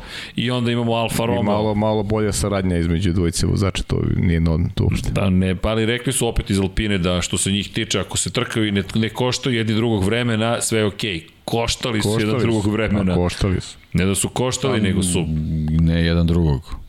Okon po meni Da, isključio, jest, isključio pa, video, krivac. si, video si moment eh, kako se približio, čini mi se Botas u momentu kada Jest. su se i onda su jedan i drugi onda su se smirili i odmah su napravili razliku odnosu na Botasu koja je bila veća od 3-4 sekunde ne znam, u roku od 4-5 krugova recimo. Tako da, da su sarađivali njih dvojica, ok, trkajte se, ali ljudi, to je početna faza trke, mislim da treba malo, malo više zrelosti da pokaže oko. Pa ne, nije Slažem samo to, mislim generalno u pripremi trce, trke postoji taj neki tempo koji treba da se poštuje i to čak nema, nema nikakve veze ni sa propuštanjem ili, ili ustupanjem pozicije kako god, nego jednostavno ako neki vozač ima tempo, ovom drugom javiš da, da, da mu ugrožava tempo i to je to, to, to u toj fazi kao što kažeš apsolutno nije, nije e, borba za poziciju nije Ma primarno. ništa, to je početak trke, da. treba da napraviš razliku negde gde će tim da profitira, vi se trkajte na kraju, to, to je naravno legitimno.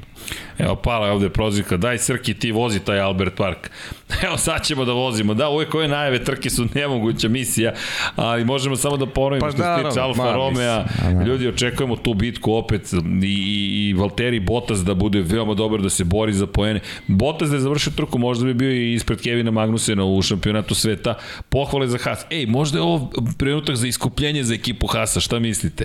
Iskupljenje u Australiji, samo hoću da napomenem, onaj moment bili četvrti, malo peti i onda Da. se desilo nešto, ali možda sad ovo lepa ta sezona kada se sve vraća i kaže Haas, sad ćemo da naplatimo sve ove dugove iz Pa ako prošlosti. misliš, kada kažeš iskupljanje, misliš na, na osvajanje poena, Tako je.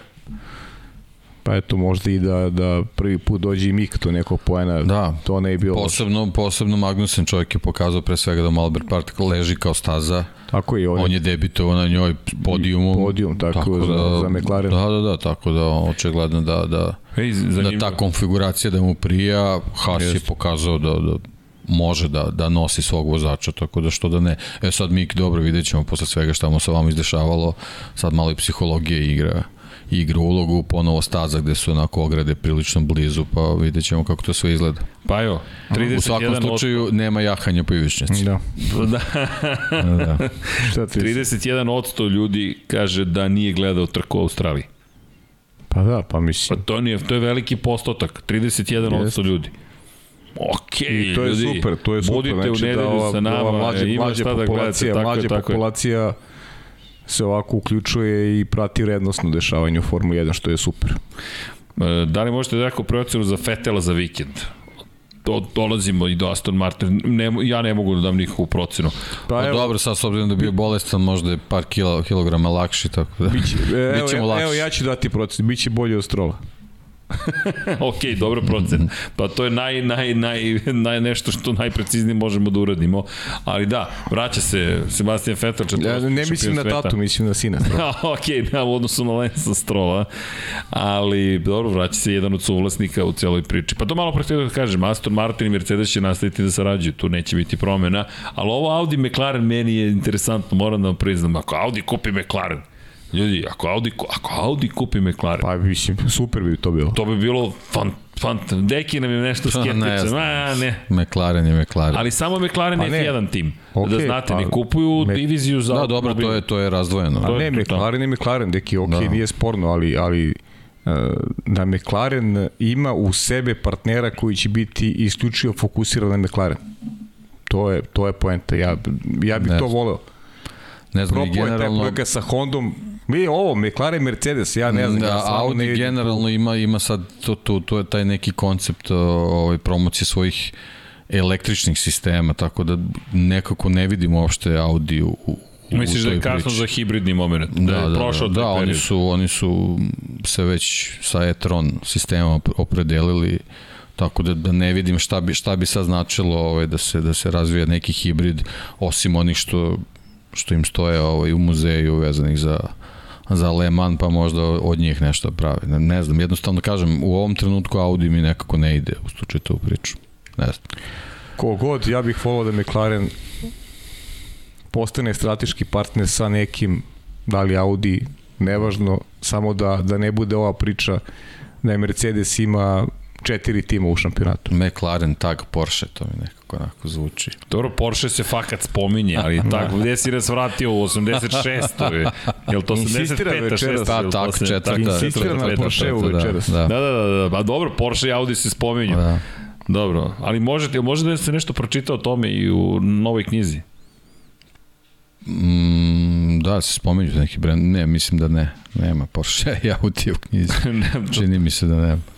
Ne u nekoj od Da. trka početnih. Da. Imao je i Sena priliku da se vozi protiv njih. Da, to da, to da. On je To stigao, da, to da. dobro, to je Niki Lauda, Alan Prost, to Da. je ta era.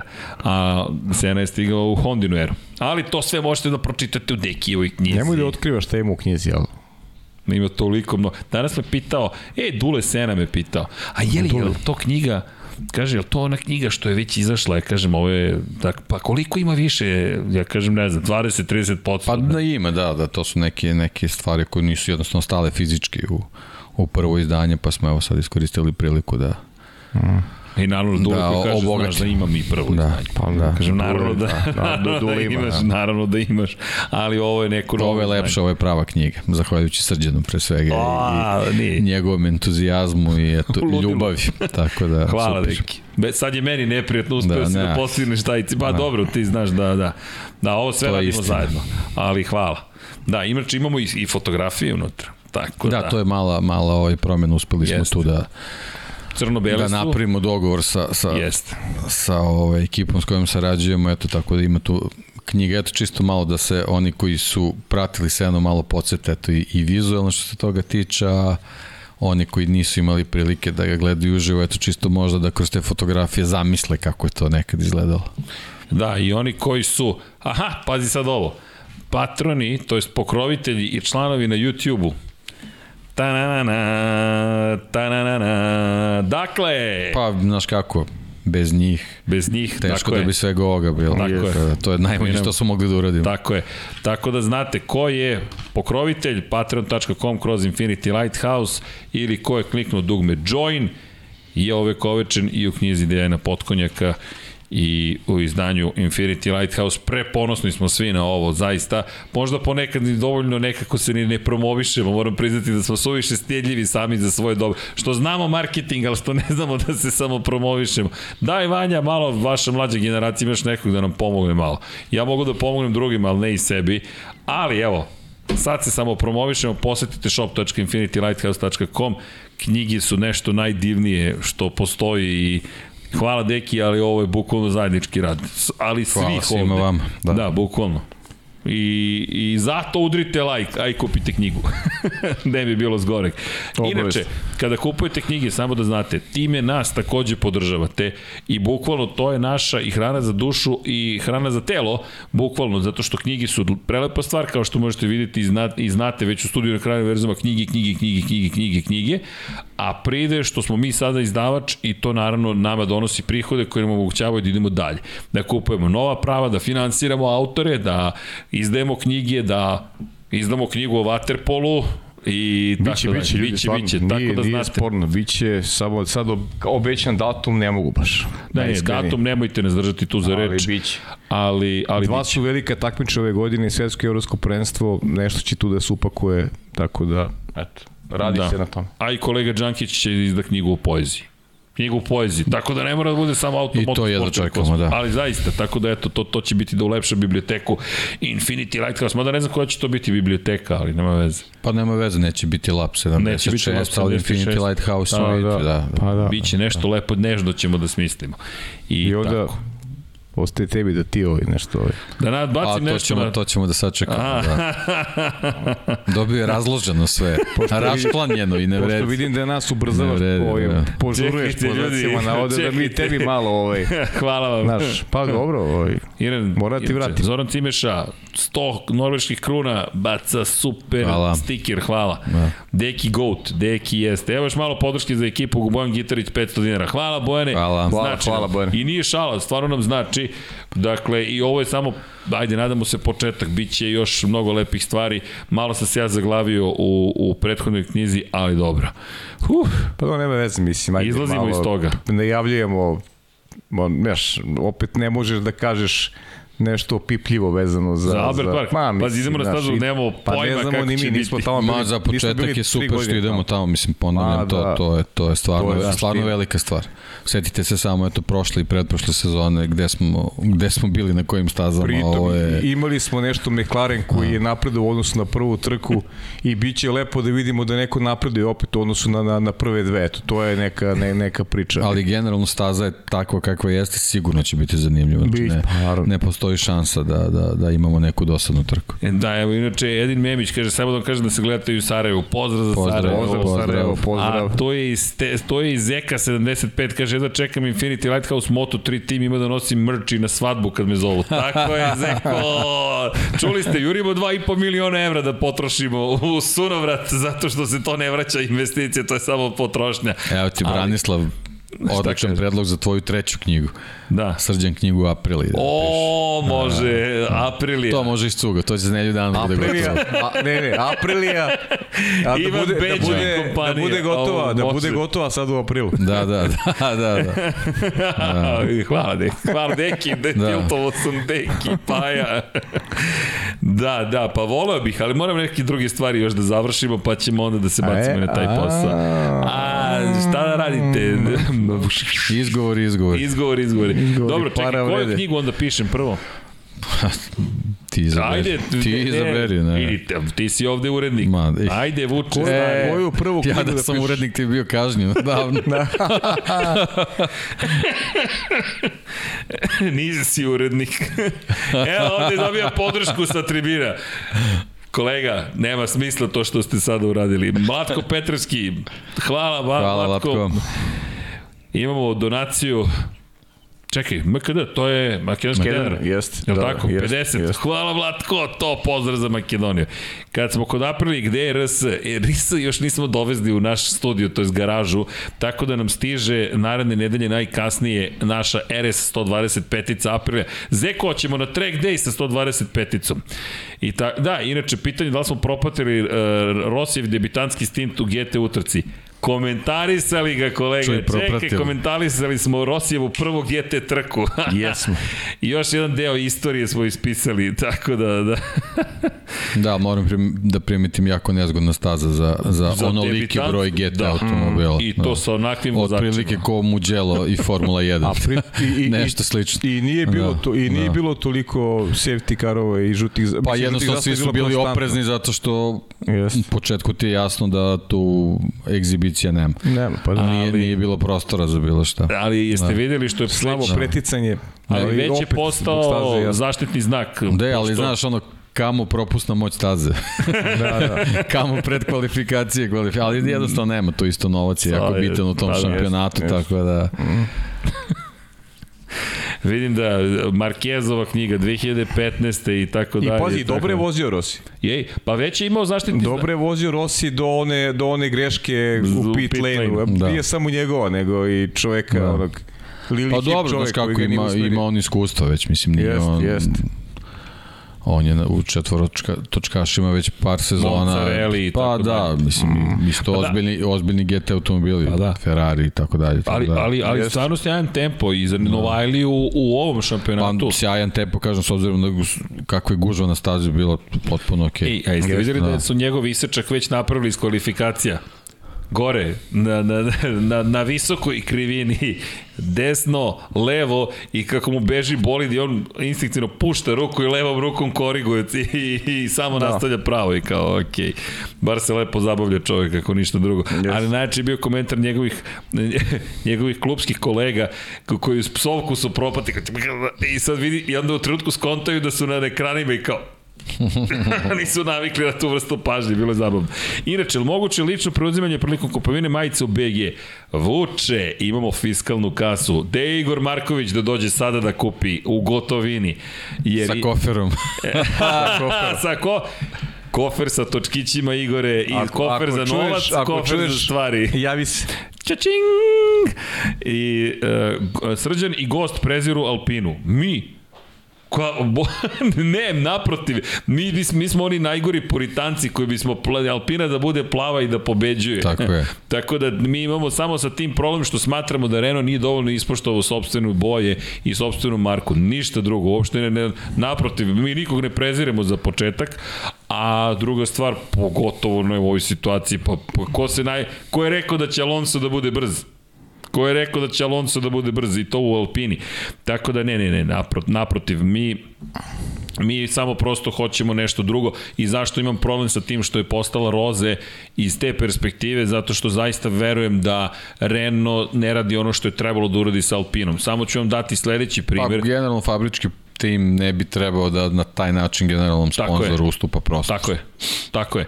Dakle, nije problem da piše BVT. Može da piše na određeni način, ali BVT je ispao veći od Alpine. Za mene je to da. loš signal. Da. Alpina se izjednačila s Force India. Tako je, tako je. Bukvalno je to problem.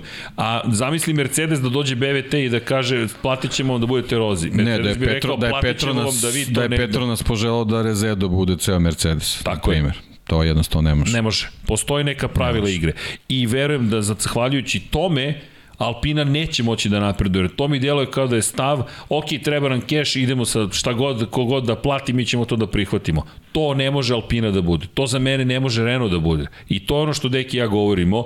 Dakle, sa tim imamo problem a ne sa tim da je Alpina. Ne, nemojte molim da to bude lično. Naprotiv, ja želim plava Alpina i da se zna, u Alpinu ne možeš tek tako da dođeš i da kažeš evo platit ću vam da budete roze. Ne, mi ćemo tebi platiti da mi ne budemo roze. To treba da bude Alpinin stav, to je moje mišljenje samo. Ali nadam se da će uspeti. Tako da, da to su probleme. Evo kaže, zamisli Ferrari u roze boji, Andrej Rakić, pa imate Ferrari kad je bio plav, čuveni protest Enca Ferrarija kada je registrovao tim kao američki tim zapravo i ofarbao ga u plavo. U Italiji skandal ali je svima jasno stavio do znanja gde je spreman da ode samo da neke stvari jasno stavi do znanja kako stoje. Tako da neka, neke stvari prosto se ne rade, to se ne radi. Ne, ne farbate svoj bolid u roze ako ste Renault, ako ste Ferrari, ako ste Mercedes. Ako ste Aston Martin. Pa da, možda, Aston Martin. Možda ne znam, prošle godine neke unutrašnje stvari. Pa to, o tome pričam, to je to, to, to, to, nije, to nije mržnja prema brendu, nego jednostavno ne, pa da. pokušavamo da proniknemo kakva je realnost. Da. To je to. A verujem da bi Fernando Alonso to u ovom trenutku želeo da zna. Tako je. Acki inače donirao 100 dinara, pozdrav cijelu ekipu. Forza Infinity Lighthouse, hvala, hvala. Tako da ne brinite, Alpina fans, inače Prost, da, Alan Prost je već otišao, dobio otkaz, Loran Rossi ga je otpustio i ono što deluje kao problem jeste u velikoj meri što je Loran Rossi na ono što su rekli, Loran Rossi želi uglavnom da upravlja sam sa celom ekipom, to, to baš ne ide obično, mada dolazak Hotmara Schaffnauera da, obeća. Da. Schaffnauer koji ima problem sa Martinom Wittmarshom u Aston Martinu, Schaffnauer je rekao, ja sam verovao da ja imam ovlašćenja određena, a onda je došao Martin Wittmarsh i shvatio sam da ja nemam ono što piše u ugovoru i samim tim sam napustio ekipu. On je taj koji je rešio da da otkaz ekipi i otišao u Alpinu. Tako da Alpina ima jedan ozbiljan tim iza sebe, samo što neke stvari deluju da nisu baš postavljene onako kako eto, bismo mi volili ili mi verujemo da bi trebalo za neki baš veliki uspeh. Eto, držimo im palčeve svakako. E, inače, pitanje za, da, Vanja, može grafika sa pol pozicijama, molim te, to sam zaboravio, a pita gospodin, koje su šanse Luisu Hamiltonu s obzirom na broj pol pozicija na ovom mestu? Pa, s obzirom na činjenicu... Pa on uvijek ima velike šanse. O, da, osam pol Hamilton. pozicija, ljudi, na ovom mestu. Ayrton Senna 6, Nigel Mansell, Mansell 3, mada to je Adelaida, to nije no, Da, sad sam teo kažem, ovo je velika nagrada Australije. Ovo je velika nagrada Australije, nije Albert Park, Hakinen 3, Schumacher 3, ali Hamilton na ovoj stazi je upečatljiv, blago rečeno. I iz te perspektive, ono što, da citiram... I njegov debi na ovoj stazi takođe u Formuli 1. Bio je impresivan. Da. Bio je impresivan. Ali bih se osvrnuo na Paju ono što je rekao. Ako je Vettel bolji od Strola, šta Hamilton mora da postigne na ovoj trci? Mora da bude bolji od Georgea Russella mi se vraćamo trenutno na to. Lewis Hamilton mora da pobedi Georgea Russella. To je prvi zadatak svakog vozača u Formuli 1, pobediš klubskog kolegu. Sad, da li će to biti dovoljno za nešto više, pa će možda da se umeša među Ferrari i, i, i Red Bullove, nisam siguran, ali ako pobedi Georgea Russella, već to je ozbiljan korak u napred. To, to je ono što ja mislim da sebi ne može da ponovo priušti. Ali, da da se mi vratimo, treba da odvezemo stazu. Haas, inače, eto, kao rekli smo, očekujemo da bude, da bude zabavno, prosto, i kada je reč o Williamsu, ne znam zaista šta da mislim. Alex Albon se vratio, deluje to pristojno. De, deluje, deluje dobro. Da, baš, baš... Ne, ne pričamo uopšte o rezultatima, o, o njegovom nastupu pričamo, to deluje dobro. Deluje zaista dobro. I, i još jedna ne samo stvar, da ne zaboravimo Alfa Tauri. E da, inače, Pierre Gasly je na trci u Saudijskoj Arabiji imao bizarne probleme sa, sa, sa stomakom. On je, kaže, vrištao od bolova tokom trke. Na kraju imao takve bolove da je, da je jedva dovezao bolid do kraja trke, tako da to nismo znali u momentu kada se trka održala, a bio je osmi na kraju. Tako da pohvale za Francuza, držimo u palče da ne postoji neki veći problem, saznaćemo ovo već u petak ujutro ili popodne najkasnije, držimo palče da je sve okej okay i da će, vod, da će biti potpuno zdrav. Tako da eto, Pierre Gasly i Alfa Tauri nadamo se da će biti zdravi pre svega i da će započeti trku, jer ne zaboravimo, Yuki Tsunoda nije započeo trku, ali prego što budem vozio, inače, Ferrari u šampionatu konstruktora 78 poena, Mercedes 38, 37 Red Bull, nastavljaju Mercedes i Red Bull svoj bitku, to je samo zahvaljujući onim odustajanjima, Ferrari ima značajnu prednost, Alpina 16 poena, Haas 12, Alfa Romeo 9, Alfa Tauri 8, McLaren 6, 8 pozicija i bez bodova Aston Martin i Williams. Tako da za njih prvi poen, to bi bio uspeh. Da. To bi bukvalno bio uspeh i fantazi.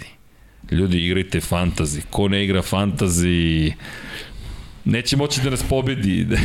pa jo, ti si beše u, u 2000 ili 1000. U hiljadu, vajde. Ti si u hiljadu. Ja sam jedva na korak od, znaš da sam 2990. Sad ćemo da vidimo. Ali dobro. Da, proveri, ne znam, ja mislim u hiljadu, ne znam. Ćemo nešto da menjamo ili ne menjamo? Ne, ja neću da menjam, sigurno. Neću do kraja sezone da menjam. Opet moram su ulogom, ovo je nevjerovatno. Da. Inače, u ovom momentu ja sam, sad ću vam reći gde, leaderboards, lobby, ajmo u lobby. Spavati se, pa je. Ne, ne, ne. Postojica trening. Posle... Oh. Nema spavanja. Nema spavanja. Ali bio je, u, a imaćeš ti aktivan vikend. Da, da, ma vaterpolo, petak i subotu. Imaćemo, daj, Bićemo, lepo ćemo se Cijelo dan i noći, da. Dakle, od 4060 takmičara, ja sam 3040. 4060, da, Da. sjajno. Hvala vam. Hvala vam, Nikola Koji se ja da li sam tamo negde 900 i neki. Čekaj, ko će da te nađe ovih 4000 stani? To, sad, to je sada posao. Ali Nikola P vozi, tim 1, Forza Ferrari, Toni Š je na poziciji takođe 1.561, u kojoj je izjednačeno s prve četiri pozicije Nikola P, Toni Š, Stefan T, Apex F1. Tim 1, Forza Ferrari, Ferrari for Life i Apex F1. Forza Ferrari, peta pozicija, deli sa tim LM3, Miloš Tolimir i Leletu M 560 poena. Zoran 46 i Tim 1, Zoran D i Milan D Kako po da nađem ligu? 557. Uh, odeš u My Games. Tarik 13, Tarik K 555 i Fist DMB pozicija broj 10. Crna Gora, Bosna i Hercegovina, Monako, Južna Afrička republika, Srbija, Nemačka.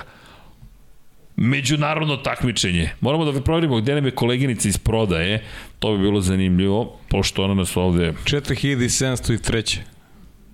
4700, a ma šta me, da, da neozbiljni. Dobro, a, da, A gde mi je plasman? plasman ti je gore, pored tu. Aha, Koji si? 1900.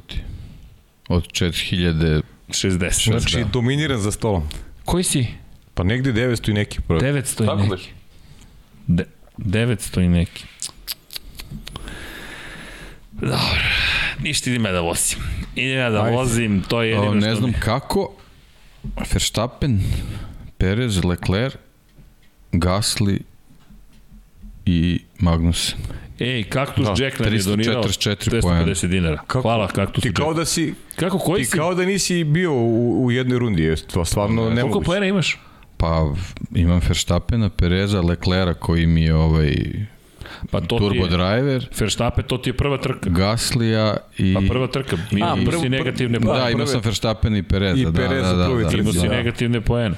A da, ovde ima i negativni. Negativni poeni. poeni. Race Week Points 183, pa dobro. To ti je Da, da. drugi Da. race week, ali Da. Da, ja sam imao 146 u ovoj drugoj, a Tsunoda mi je odustao, Alonso mi je odustao, Schumacher mi je odustao. Pet vozača, tri su mi odustala.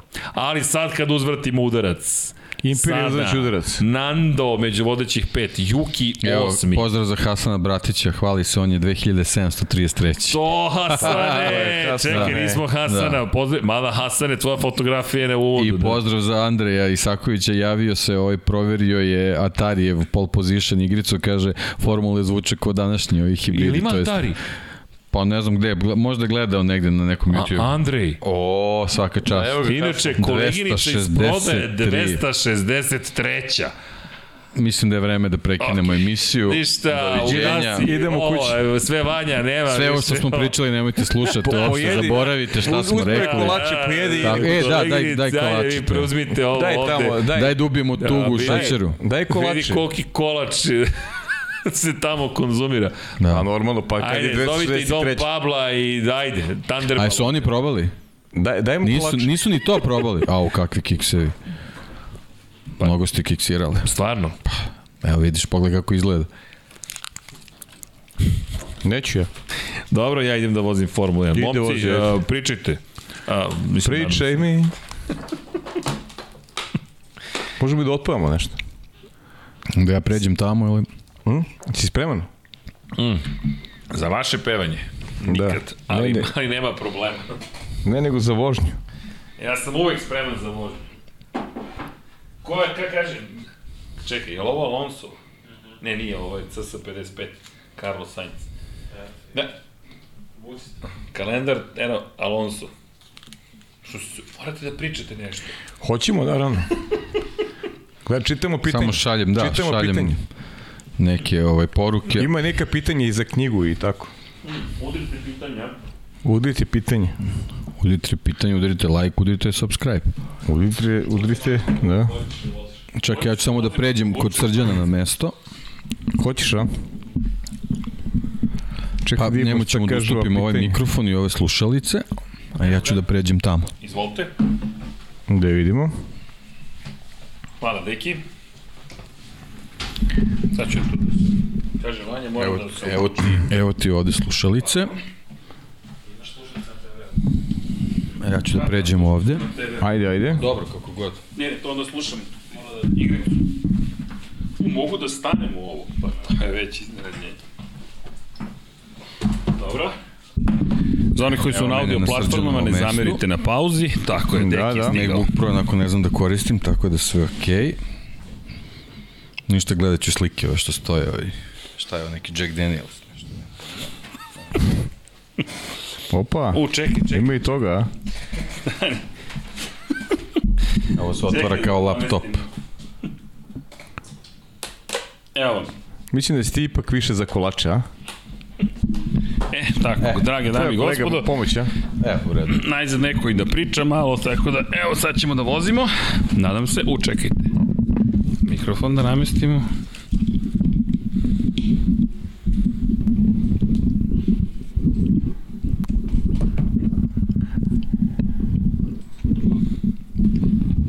Dobro.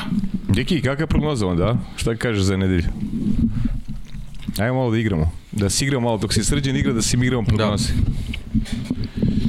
Dobro. Pa ne znam, ja ću opet, opet ću da se držim Ferrarija. Ferrari se Bez drža. obzira, da, da, da. E, s kojim bolidom vozim?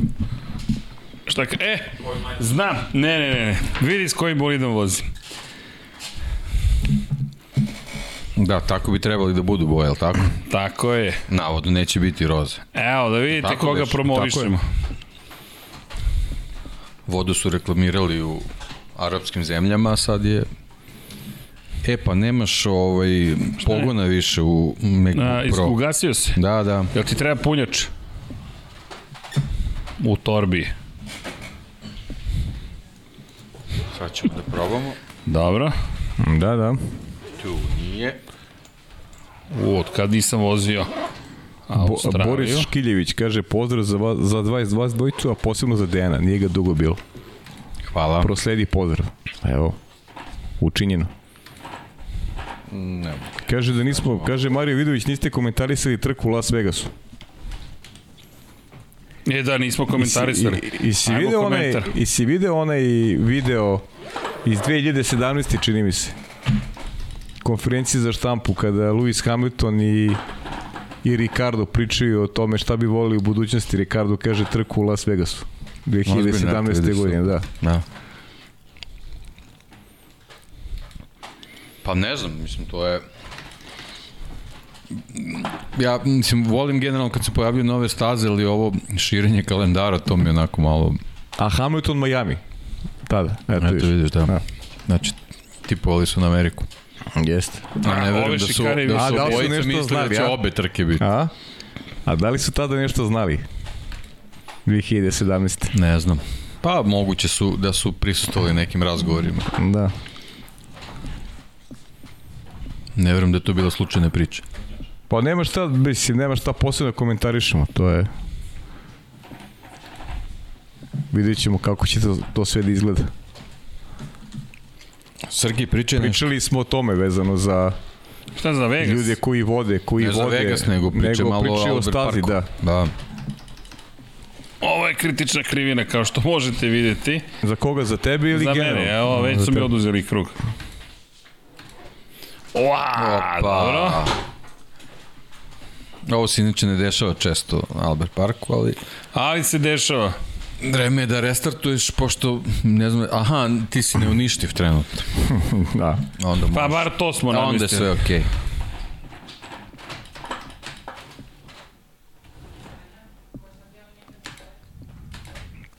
Neuništivi srđan. Deki, neće biti spavanja, a gledaš sve. Pa potrudit ću s nama, a? Potrudit ću se, da, da, da. Meni Dobro, ono, dobro. nekako će mi ono probuditi neke uspomene na, na prave početke sezone. Jeste. Tako da, I to isto i pa je rekao, da, ono da, kad da, smo da, čekali, čeka. znači ono čekaš celu noć da vidiš kako izgledaju bolidi, kako. Jeste, jeste. Nismo mi tad baš imali ovoliko prilike da ih pratimo mm. u A predsezoni. bukvalno, bukvalno sam isto pričao sa srđanom, da. Da mi malo to nedostaje. Dobro. Sada testiramo granice.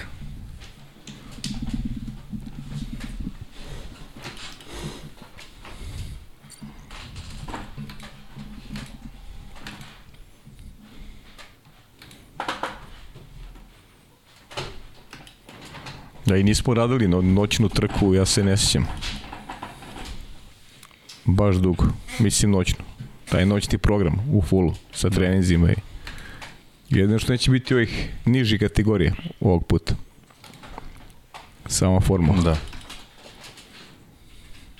Kako ti deluje dvojka i trojka? Ni, misi prosto, eto, nisi bio tu ove prethodne dve nedelje. Pa zanimljivo je, zanimljivo je. Jeste? Ovaj, dobro, bile su to neke, ovaj, opet sudijske onako. Malo gluposti, ovaj, da. gluposti, Hauger, ali, ali Hauger. Da, Hauger, ovaj, mislim, ono, upropastiše mu priliku za taj dobar plasman, ali mm. mislim, upropastiše. Bilo je tu definitivno nekih nesporazuma, ali mislim, trebalo je tu situaciju realno sagledati i malo to bolje rešiti, onako ovako je baš bilo nespretno, a delovalo kao odlučno, znaš, tako da, mm. šta znam. Ovo je ali generalno zanimljivo, Jest. mislim da, ovaj, Prema nije dominantna kao da, što je bio slučaj nije, ranije nije. godine. Da, da, definitivno. Ni u dvojci, nije. ni u trojici. Da.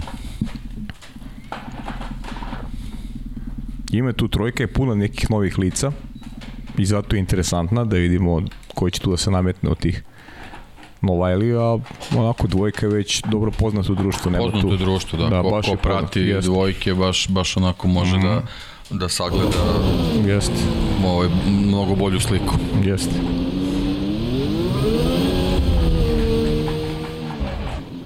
Ne znam da li ima neki prateći program ovaj, u, u Australiji, šta, E, ne znam. da li su nešto tamo uradili da se malo popravi grip na stazi ili, ili samo Formula 1? Ne znam. I presvučena je novim asfaltom staza. To je urađeno još prošle godine kada su mislili da će biti 2021. trka.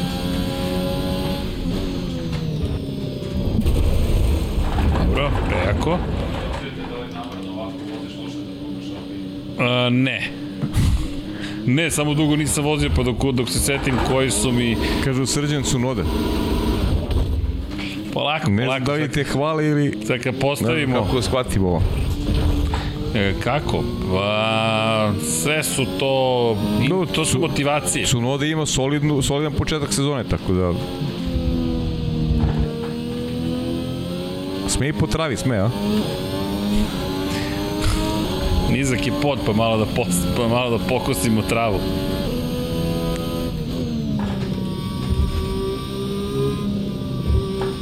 Možda da promeniš gume. Ne, Slavo, da, da. slavo ti prijanjanje novim.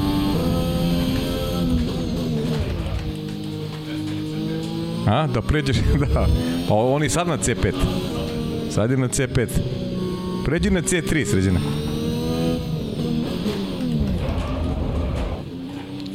Ne znam, poništit će mi krug, ali...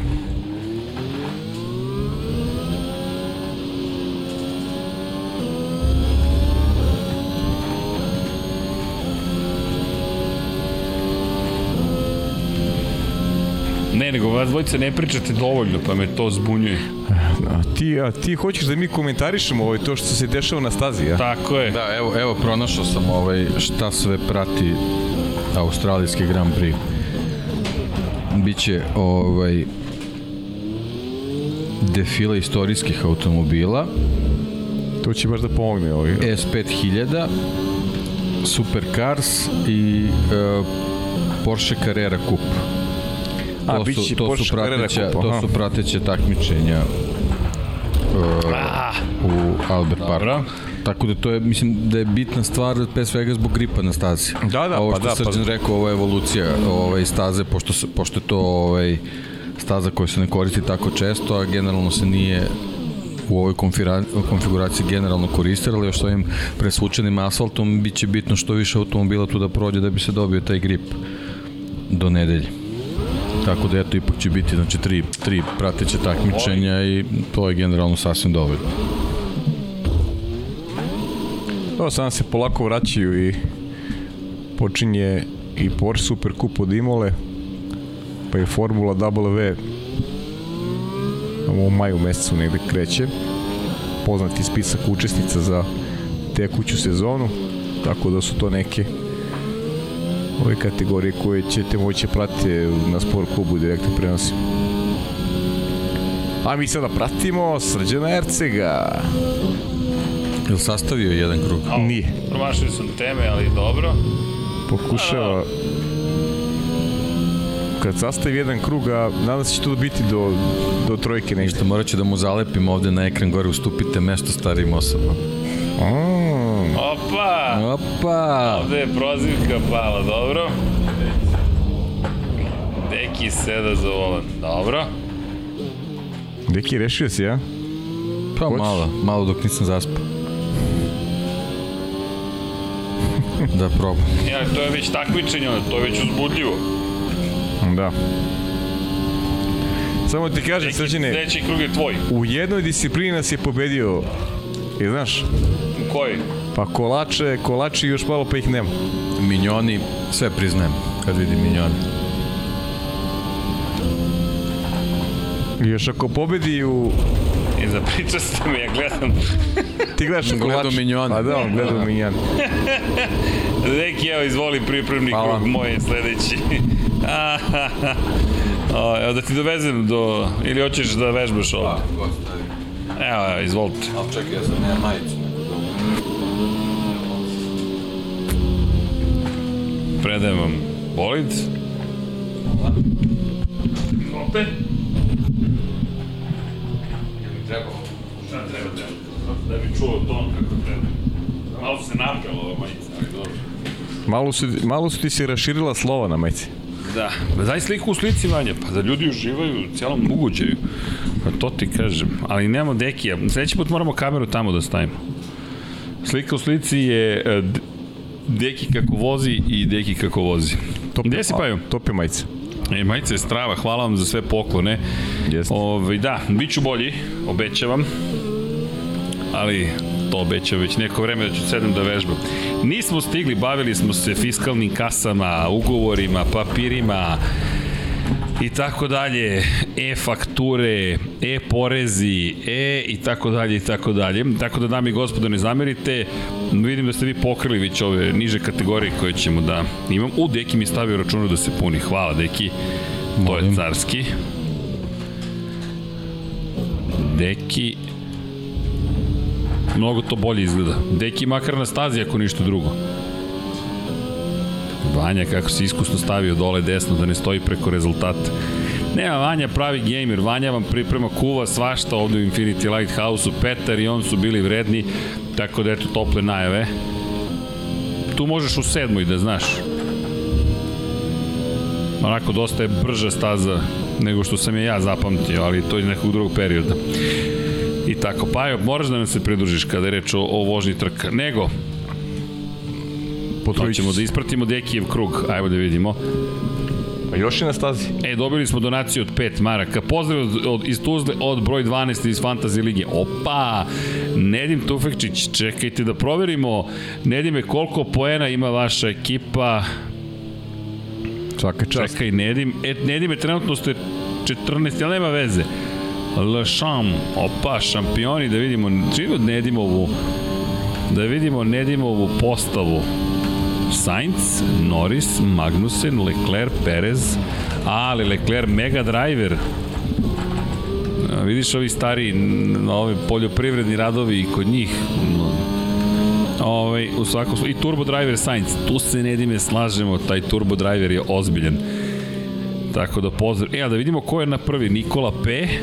u Saudijskoj Arabiji, Verstappen, Leclerc, Ocon, Bottas, Magnussen, of, ovaj Bottas je koštao, inače inače bi bilo još bolje, ali Mega Driver Verstappen, dobra procena za Mega Drivera. Dobra procena za Mega Drivera. Pohvale sve.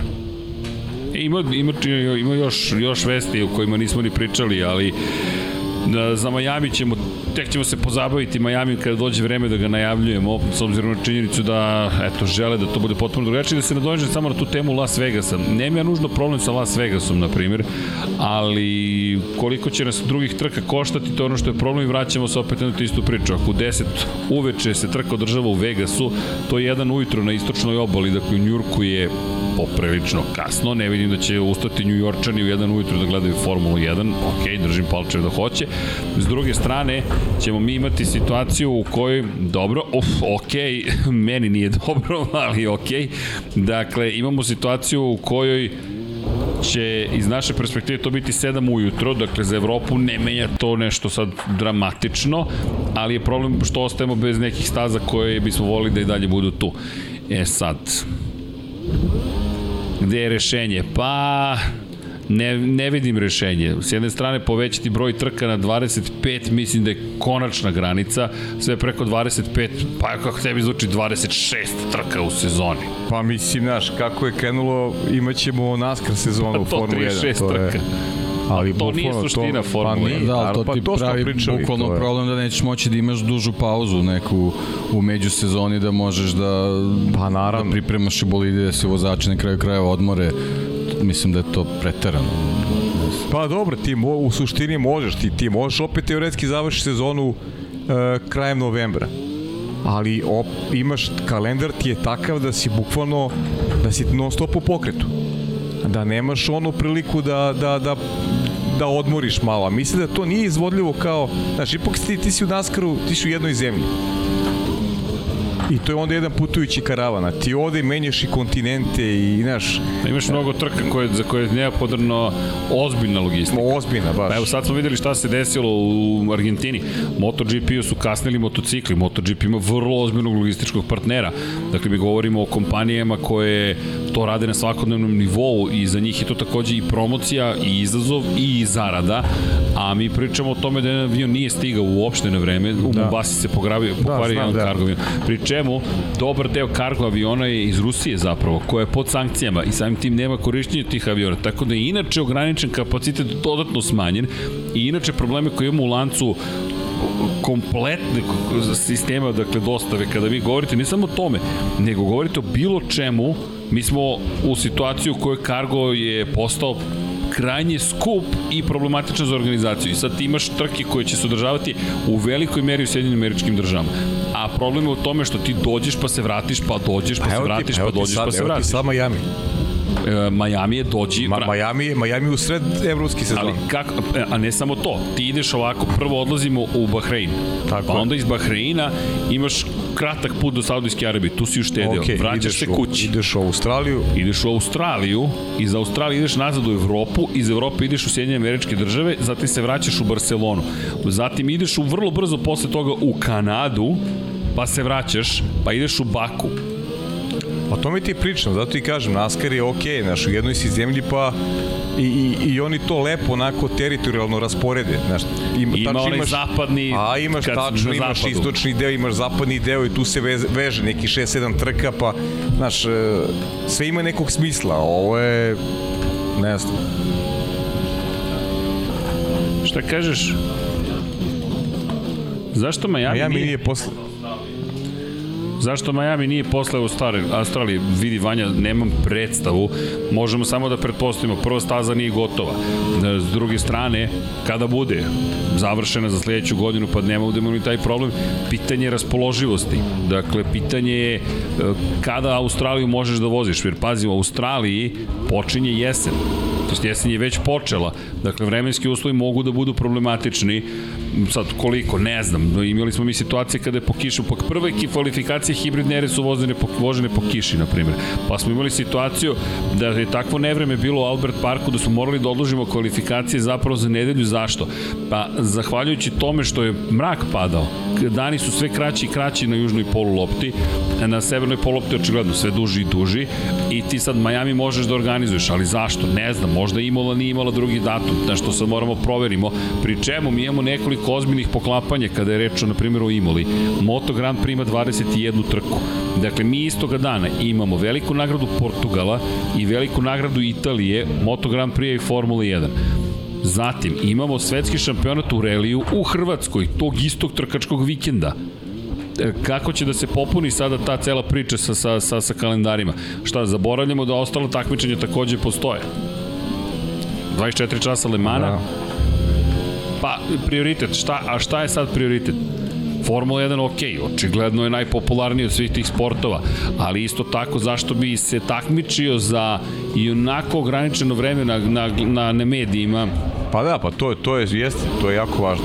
Ti Znaš, mora daš prostor nečemu što je medijski neki prostor nečemu što je opet jako važno za, za autoindustriju, za automotosport. Jer ti ako će da imaš svaki vikend trke, trke Formula 1, pa šta ćemo da radimo sa, sa, sa MotoGP-em onda? Generalno. I ne samo to. Ako imaš svakog vikenda trke Formula 1, koliki je ekskluzivitet takmičenja?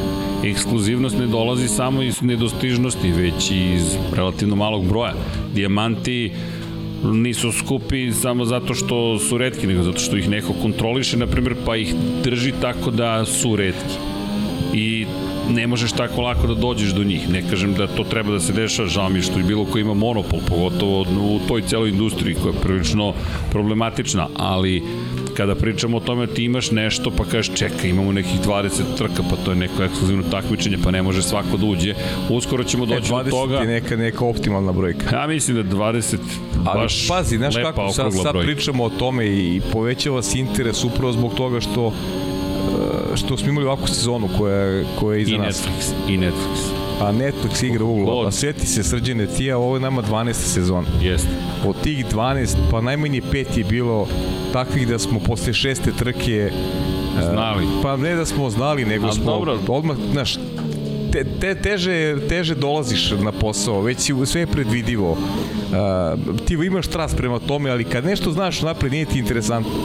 E sad je taj ceo uticaj prošle godine doveo do toga da da se povećava interes i samim tim tu je u igri mnogo veći novac i sada su i neke druge zemlje zainteresovane da dobiju spektakl, jer očekuju da će biti spektakl nužno. Naravno.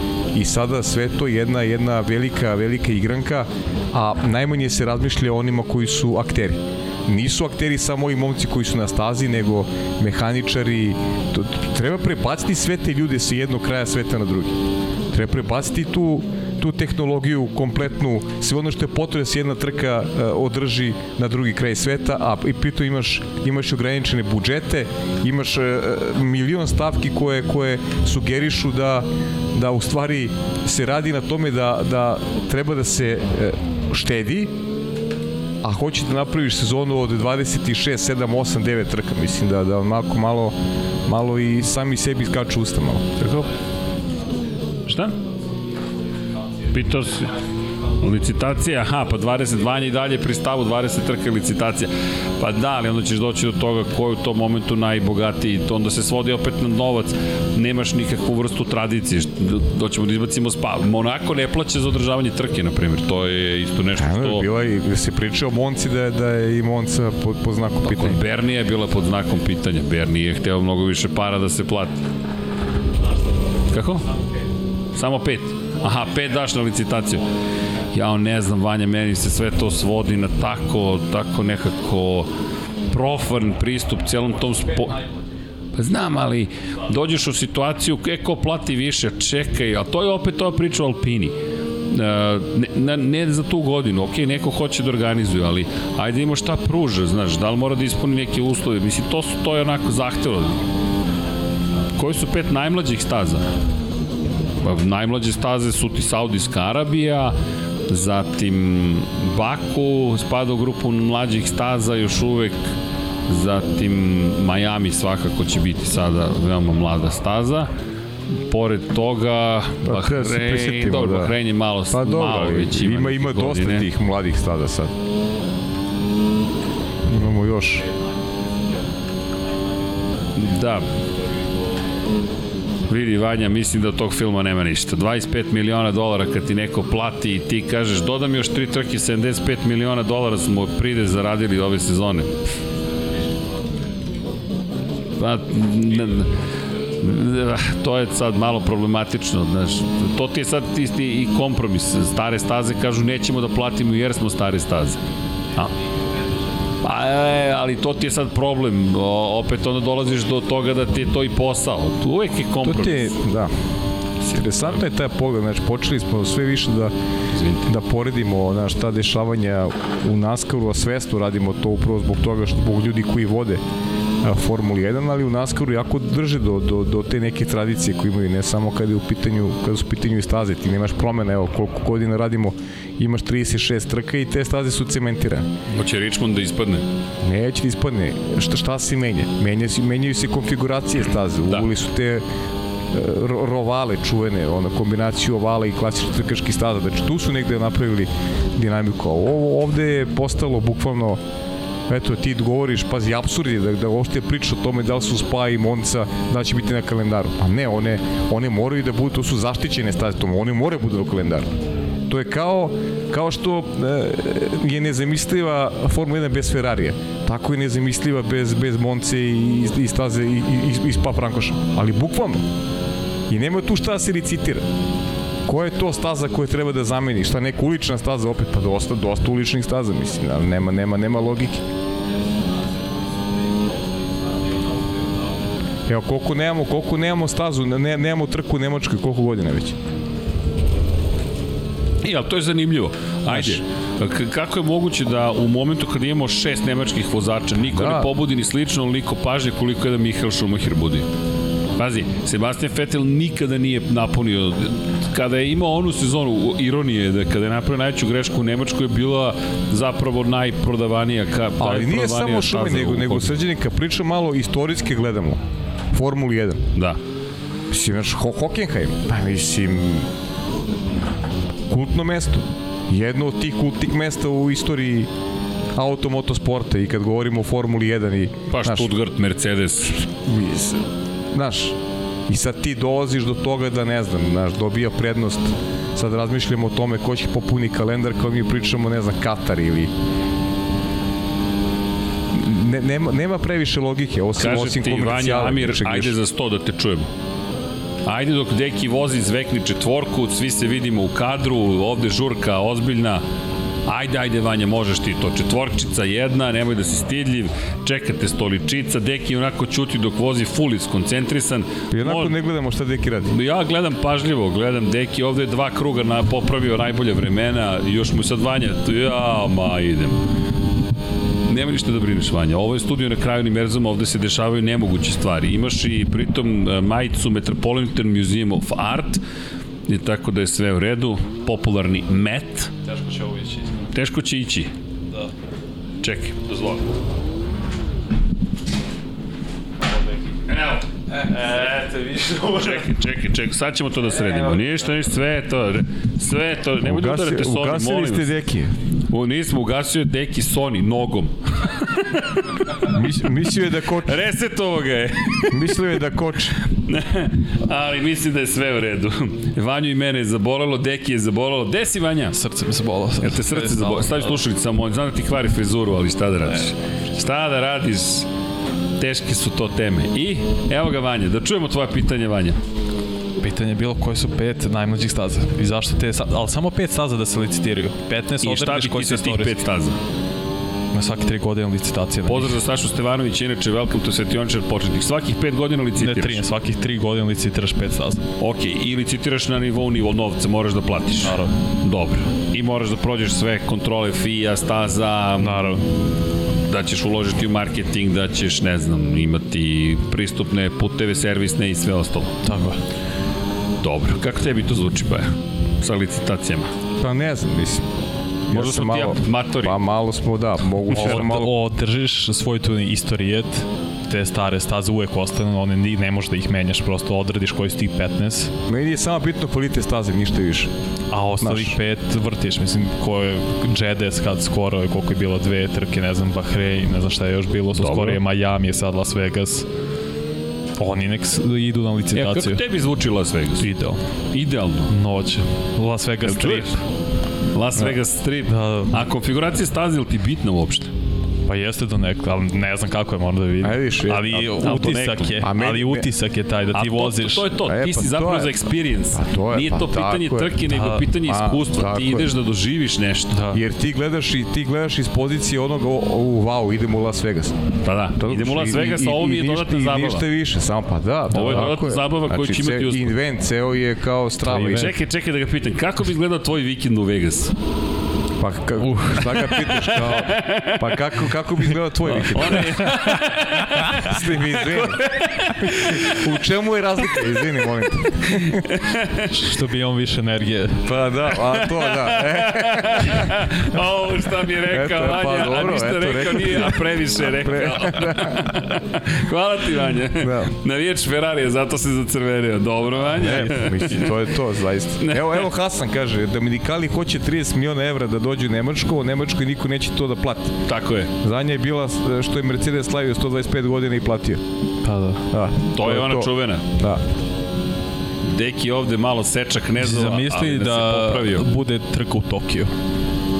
Pa, Pa dobro, imaš, ima, ne, ne, ne treba, imaš Japan, imaš Ne, Suzuku, ima, da, koja je ono, koja je tu. kultna staza. Ona će ostati, Strašna zato što je staza kultna i to je staza. to, ali ali šta znači trka, sama trka u Tokiju, ako će to da bude, ne znam, ulična neka pista gde su ono mnogo ima tih uličnih staza. Nije to, nije to osnovi Formula 1. Ali da, nije to je Formula 1. utisak, to je Liberty Media, to su, am, A, to je američka kultura, to Pa je da, bude ali- utisak, ali show, ako show bude, business. Ako bude Tokio i utisak show biznis, neće biti Monci Belgije, znaš. Onda, Ne, ćemo, to- onda ćemo samo da pređemo na utisak. Ali to je balans, to mora se e, drži. Vanja, od, kad, od koje godine gledaš? Šta? Od kad Formu- je Formula Masa bio drugi? Ne, da. Da, 2007. Da.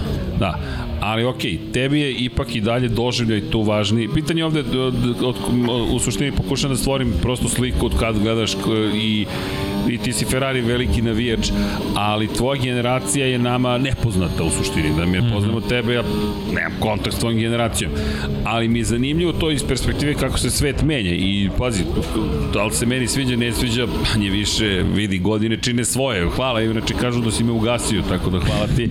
I da mogu da reklamiram Ne volim te za, žargonske. Dobro, ali prostatu. opet, znaš kako, e, ne, e, Sve je u redu, Vanja, to je? Vanjino mišljenje, znaš, Dobra ne možeš šala. da, znaš, ne možeš da praviš e, ge, e, utisak e, generacijski naravno, neki naravno. na osnovu jednog uzorka, znaš, ok, vidi, čuti drugačije razmišljenje i to, ali misli da osnovi ljudi koji vole Formulu 1 da je njima da je bitna Formula 1, a ne te prateće stvari. Ja, ja mislim da takav kult imaju ljudi koji vole Istina, pravo si. Formuli 1, da im je važno trkanje, da im je važno ono što se dešava na stazi, a da je manje da su manje bitne te prateće stvari. Ne možemo da prođemo od pratećih stvari. Ok, ako su prateće stvari dobre, to je onda jedan uspešan event. I to je sjajno da imamo i prateće stvari. Ali je, ali je osnova onoga što je Formula 1, to je kvalitetna A staza meni i dobra trka. bitno To je to. Monca, Monaco, Silverstone, isto te staze mnogo bitne. Naravno. Ali vidi, Zato što imaju to kultnog šmeka. Ali ja mislim da se ide ka kompromisu, ka upravo ka tome da će se zadržati neka osnova da bi se zadovoljili ljudi poput nas koji su Pa da. malo duže u svemu, ili ne moramo duže, možda su poritanci neka vrsta, ne, ne, ne, ne, ne volim to tako da gledam, volim ja da vidim nove stvari, ali činjenica je da nekako, znaš, bez spa, bez, pazi, meni manji kur nedostaje, ja bih volao da manji nedostaje, kur pa da, da mi bude u kalendaru jer je to jedna ozbiljna staza, ali okej, to je samo moj utisak. Jel Kanada istorijska staza? Jeste, pa postala istorijska. Okay. Ok. Kanada je postala zaista ozbiljna staza. Jednostavno, Koji su, koji su, isto, koji su Ovde istorijski? zahtevi za kolačima stižu, evo, Da, dele se kolači na sve strane. Dakle, Koji su, de, koji su 10 sad istorijski? 10 istorijskih staza. Pa pazi ovako. Prva i osnovna, Monako mora da bude, bez obzira Ok, da li ga ljudi voleli ili ne, Monako je Monako. Zatim, Spa Frankošan bi morala da uvek da postoji. Ok. Monca bi uvek morala da postoji. Ok. To su tri, Tri. koje bi morale da budu šta god da se desi. Silverstone bi isto. Silverstone, tako je. Mora. Četvorka mora da se desi. Dakle, to je četvrta staza ko- bez koje Ok. ja ne vidim. Suzuka mora. Suzuka, tako je. Peta staza koju, Dobro. koju moraš da imaš. To, I to su ti, pazi, kom, to su ti uglavnom stare staze o kojima pričam. Monza da. preko 100 godina, Suzuka preko 50 godina, Monaco ne 70 smeš da tako je. Spa isto, du, dugi niz godina. Mm -hmm. Spa je baš dugo u kalendaru, ali menjala konfiguraciju. Inače, ponovo je promenjala konfiguraciju. Šta smo rekli, peta godine čine svoje. To je peta, da. I Silverstone. Silverstone gde ti je održana prva trka u istoriji šampionata To sveta. mora, to ostaje uvek. Vidi, bez toga ne, ne znam šta radimo. A, I sad, Francuska malo jeste, malo nije. Više ne možemo pričamo da je Paul Ricard istorijska staza. Jednostavno više nije. Jer mi nismo preko 10 godina imali u šampionatu. Presečena je taj, taj, taj istorijski Taj niz. izgubljen. Imola, pazi, bit će u kalendaru, ali Imola znaš, izgubila je tu poziciju neke vrste istorijske staze, jednostavno izgubila. Tako da, ajde, koga bi još Pa stavio? dobro, Barcelona. ja, ja bi, ja bi svrsto i ja bi svrsto i Imolu, ja bi svrsto i Kanada bi morala da. Brazil. Pazi, Kana, bra, apsolutno. Osam. Sao Paulo. Kako? Da, osam, okej. Uh, da. Koga, koga još možemo da stavimo u tu priču? Australija bi morala da bude dugi niz godina tu, ali nije mi istorijska staza, to mi je Ne, više... ne, nije. Ono, to nije istorijska To je više staza, ali početak sezone nego bilo to je kad drugo. gledaš, ne znam, iz... A pazi, Barcelona bi morala bude i Da, da. onoga što, mislim, uglavnom su presezonska testiranja, a Barcelona je negde postala Postala je jedan ozbiljan... drugi, po, početak drugog dela sezone. Pa je jeste. postala. I počet drugog dela sezone i, i ti si tamo negde, znaš, Možda prođeš kroz kalendar. pa može, ajde, pa ajde, prođi kroz kalendar, ali- Na brzinu. Bahrein ne, Saudijska Arabija ne, Ne, Australija m, problematično. Može i ne Imola je kultna pista, Miami, jeste. Barcelona. Barcelona. Ne znam šta da mislim za Barcelonu. Do 91. je tu deo je šampionata, morala bi da bude tu. Zatim, Monako, da. Baku, ne. Kanada, to jest Montreal, da. da. Silverstone, da. Red Bull Ring, meni ne. Jednostavno, okay. A1 ring, uh, Ost- Esterreich ring, kako se zvao Red Bull ring, još nije to to. Paul Ricard nije. Izgubilo je. Hungaroring, Šta ćemo sa bi stavio. Vrlo specifična staza. Pazi, ona je 1986. ušla u kalendar kao deo nečega što se tada bio, što je bio jedini nastup Formula 1 iza čelične, za- iza gvozdene zavese. Znaš, to je bila Da, reklama jedino i u za- regionu. Ja bi je, ja, ja bih Ja bih ja bih ostavio, glasao ali- zbog, samo zbog lokacije. Da, da. Bukvalno. Ali ona je za ljude sa ovih to je- prostora to pa je- To, važno. to, iz jedina u regionu, Pa to blizini. ti kažem, da, to je samo To- zbog to- to toga. je to. Ali Monza- nema to, nije, nije A, kultno. Tako je, Monca, Ma, moraš da mora. imaš. Singapur, ne. Ne, Suzuka, da. Okota, to je Austin, Texas, ne. ma ne. A nije to, nije to Watkins Glen, Da, da, Watkins Glen, ne. da.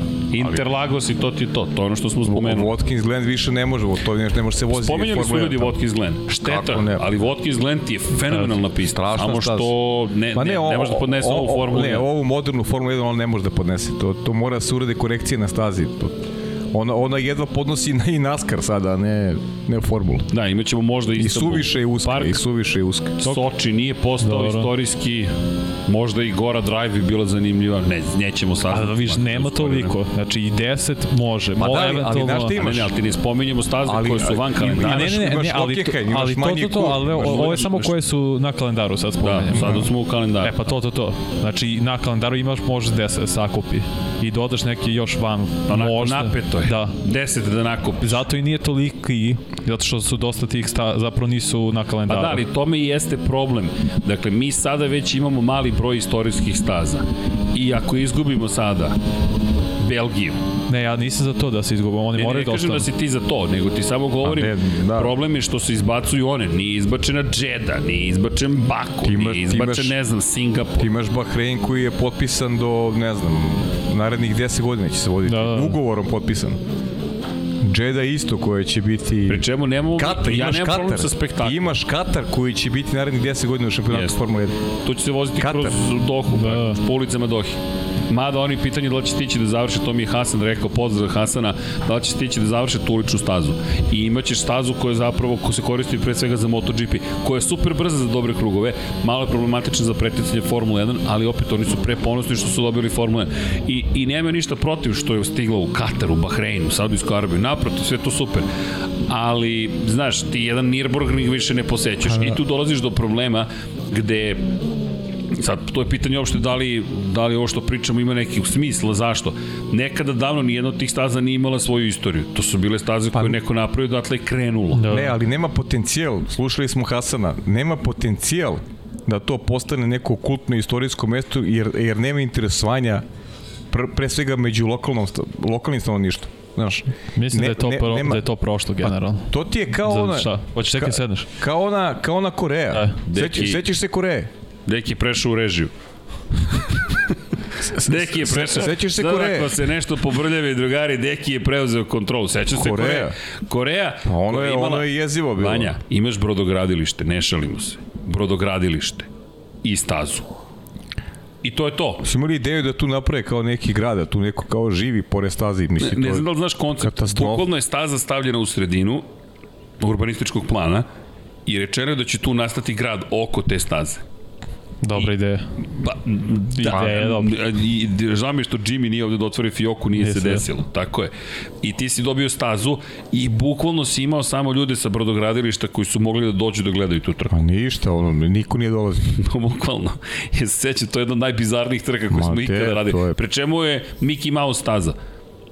Mi bukvalno možemo da je na tako nazovemo. Herman Tilke je napravio, ali to nema nikakvog smisla I imao si ti pokušaj u Valenciji, gradska staza, da se vozi Da nije Alonsove one pobede čuvene, ja mislim da ne bismo pamtili. A to je posebna priča što s te nove staze, to sve Herman Tilke i mislim naš sve ja, ja, eto.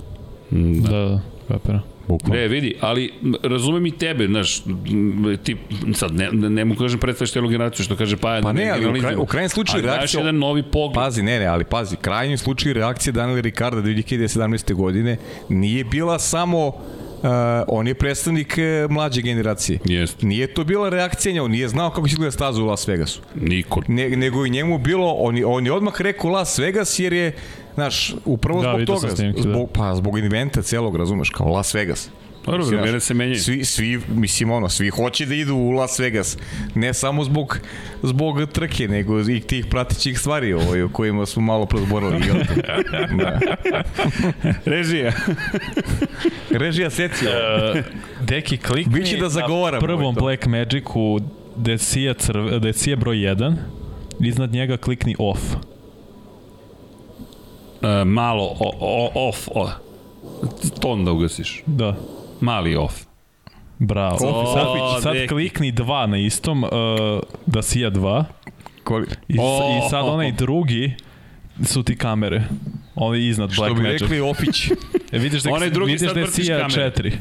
Da je četvorka, sad vrtiš 3, 2, 1. Levo tebe, deki, de, e, to. E, to, to, to, sad 3, 2, 1. E, Ej, sad si realizacija. E, to, viš. samo što imaš i ovaj sliku, to pusti, to sad. e, to ti je na prvom, o, on. Ako neko pita na o majice prvom Black. Magicu što si...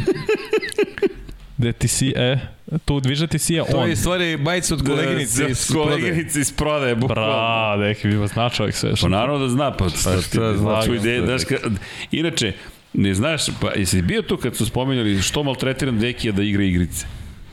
Maltretiraš deki, deki igre. Pa to da mene ode, to je maltretiranje, stvarno. Zato što mene deki, to ne, ne, apsolutno ne zanima. Moraš da, to, to, de, drugi, ne, drugi. Da, moraš drugi. I tako. Da, Dobro. Deki je baš ono, neviđen mu je maltrete da igra igrice. Da. Kao meni isto. Uh, no. Da, drugari, jel imamo mi... Anja, imaš neku da. temu kad si već tu, ej vidi. Pa, Ima, Dobar, ima još 7 minuta. Imamo dobru temu, imamo dobru temu. Ajmo na spavanje. Ajmo, Ajmo na spavanje. Ajmo ne, na mene ovo stvarno zanimljivo. Mislim da bi to stvarno za Formula 1 bila super stvar. Da odrediš 15 koji ti uvek ostaju, koje su ne znam, ali da pet, minimalno pet licitiraš svake tri godine. Liberty Media, da li slušate? Da li slušate u bubanj, ja, žreb. Koliko je, pa dobro sad žreb, koliko je Jeda platila za jednu godinu? Da, ne ja, znam, da, da li postoji... Pa, sve od 25 miliona naviše se plaća. Mislim da bi duplo uzeli, jer bi onda morala da licitira protiv nekog drugog. I, I nama ako daju za podcast 25 miliona i Vanja, da... ti samo uzmi 10% na ideju, molim te. Može. I daš, po, daš 10% od tih 10%, dakle 1% za studiju. Idemo na brod. Topina. Ovo Idemo na pričali brod. danas. Da. Pričali smo dan, nemoj da otkrižeš sve planove, molim Jeste. te Vanja. Gde, gde ćemo tek da pravimo stvari. Ali dobro. Što ćete raditi, radite na brodu, šta? Ti kao kuvar? pa ne ovo koreš da bi brod. Ne, ja, imamo neku ideju. Manja naručio brod, specijalni za nas. Hm. A ovo se skupila ova majica na pranju, dobro. Da, dobro, šta da radi. Hvala ti, Deki. Hvala ti, Deki. drži, drži kadar, to, to, to, to. Ali dobro. Izgledaš kao neki biciklista. Kako? Da, kao biciklista. Kao biciklista. Tour de France. Kao izgleda, pa je kao, pa izgleda kao biciklista jer je, ekran pokrio onaj drugi deo, ne biciklistički deo. Pokrio je vaterpolo deo. Dobro, hoćemo, hoćemo vaterpolo, to ćemo u četvrtak. A kaži mi, hoćemo da prognoziramo, ovaj Deki se drži Ferrari, a? Ajmo Deki. Deki je rekao Ferrari. Ferrari? Znaš ko pobeđuje? Sainz. Ne, ne, ne, ne, ne, ne, ne. Leclerc pobeđuje. Leclerc. pobeđuje. Znači, Leclerc. vas dvojce ste Ferrari i ja, ja ću onda kažem Max Verstappen. Da budem kontra od vas. Max koji postaje polako veteran, ljuta guja. Nije što ću kažem Sainz, Leclerc, Hamilton. Sainz, Leclerc, Hamilton. Ok, dobro, to bi, to bi moglo. Zakrenuo sam i u teretanu iskupila se majica, kombinacija stvari. Majica ušla u vodu. Nije ni bila na 90 stepeni. Ne, ne, nije, nije, nije do tebe, maj, ti, ti si da, kupio, do reklama je. Takva je majica, prosto šta. Da. Ovu ne možete da kupite u našem šopu, ali možete one, ovo ispod. To su one takozvane majice sa stomakom, imate da kupite u radnji. Mislim, Slav, nije, pa da, nije, nije to do vas, nego tako To mi majica. Paja poklonio za novu godinu. Majice za stomakom. Jeste. E, da li neko ima neko pitanje još? Vanja? Ja nemam. Samo. Vanja, ali morat ćeš da preuzmeš rukovodđenje dirigensku palicu, pošto ne, nisam siguran da će moći muziku da izrežira deki, da će moći sve ostalo da odradi, jer dolazi vaš omiljeni period, omiljeno, omiljeni deo večeri, kada radimo šta? Čitamo imena i prezimena, Marko Bogovac, Resničanin, Toni Soni, 76, Nikola Niksiju, a sad vas prepao, Branko Rašević, Petar Nujić, Nemanja Bračko, Emir Dugić, Kosta Berić, Aleks Vulović, Nikor 24, Nikola Grđan, Miloš Stanimirović, Vukašin Felbo, Igor Ilić, Voča Pero, Marko Stojković, Bakadu, Bojan Gitarić, Ivan Magdalenić, Ivan Vesinović, Tatjana Lemajić, Veselin Vukičević, Stojan Sabo, Mladen Dukić, Branislav Dević, Vukašin Vučenović, Almedin Ahmetović, Nemanja Labović, Aleksandar Kockar, Miloš ZDLFC, Nikola Kojić, Nemanja Miloradović, Zvonimir Papić, Ivan Božanić, Marina, Vlada Ivanović, Oliver Nikolić, Andrija Todorović, Jelena Remić, Kalabijao, Aleksandar Nikolić, anonimna osoba, Petar Bjelić, Milorad Reljić, Nemanja, Bojan Marković, Drilo Petrović. E sad, par stvari. Čekajte, moram da skinem ovu majicu. Vanja, daj, daj paju na kadar. A si pročito sve ili šta? Nisi? Nisam, nisam, samo polako. Odok se skinem, možeš da pokažeš. To će potrati, to, to će potrati ovo skidanje. Zalepila se majica. Šta si rekao? A? Pa šta Zalepila si rekao? se majica. Molim. Šlank. Neki, živi si, živi si. Ja? Da, da, da. To su, Šlank, to su. gospodin. E sad, šta hoću da kažem? Šta si rekao, šank? Pogađaš neke stvari koje se prave. Dobro. Čitaš mi misli, Pajo. Jao, ne čitaš ti ja smo već povezani. E, to moramo popričamo jednom. Toliko smo vremena proveli zajedno da mi bez razmišljanja ispaljujemo iste misli. Pa dobro, čekaj, 12 godina. Tako je. Nije to mala cifra. Ayrton Sena. Put ka savršenstvu, gospodin Dejan Potkonjak. Crveno i crno.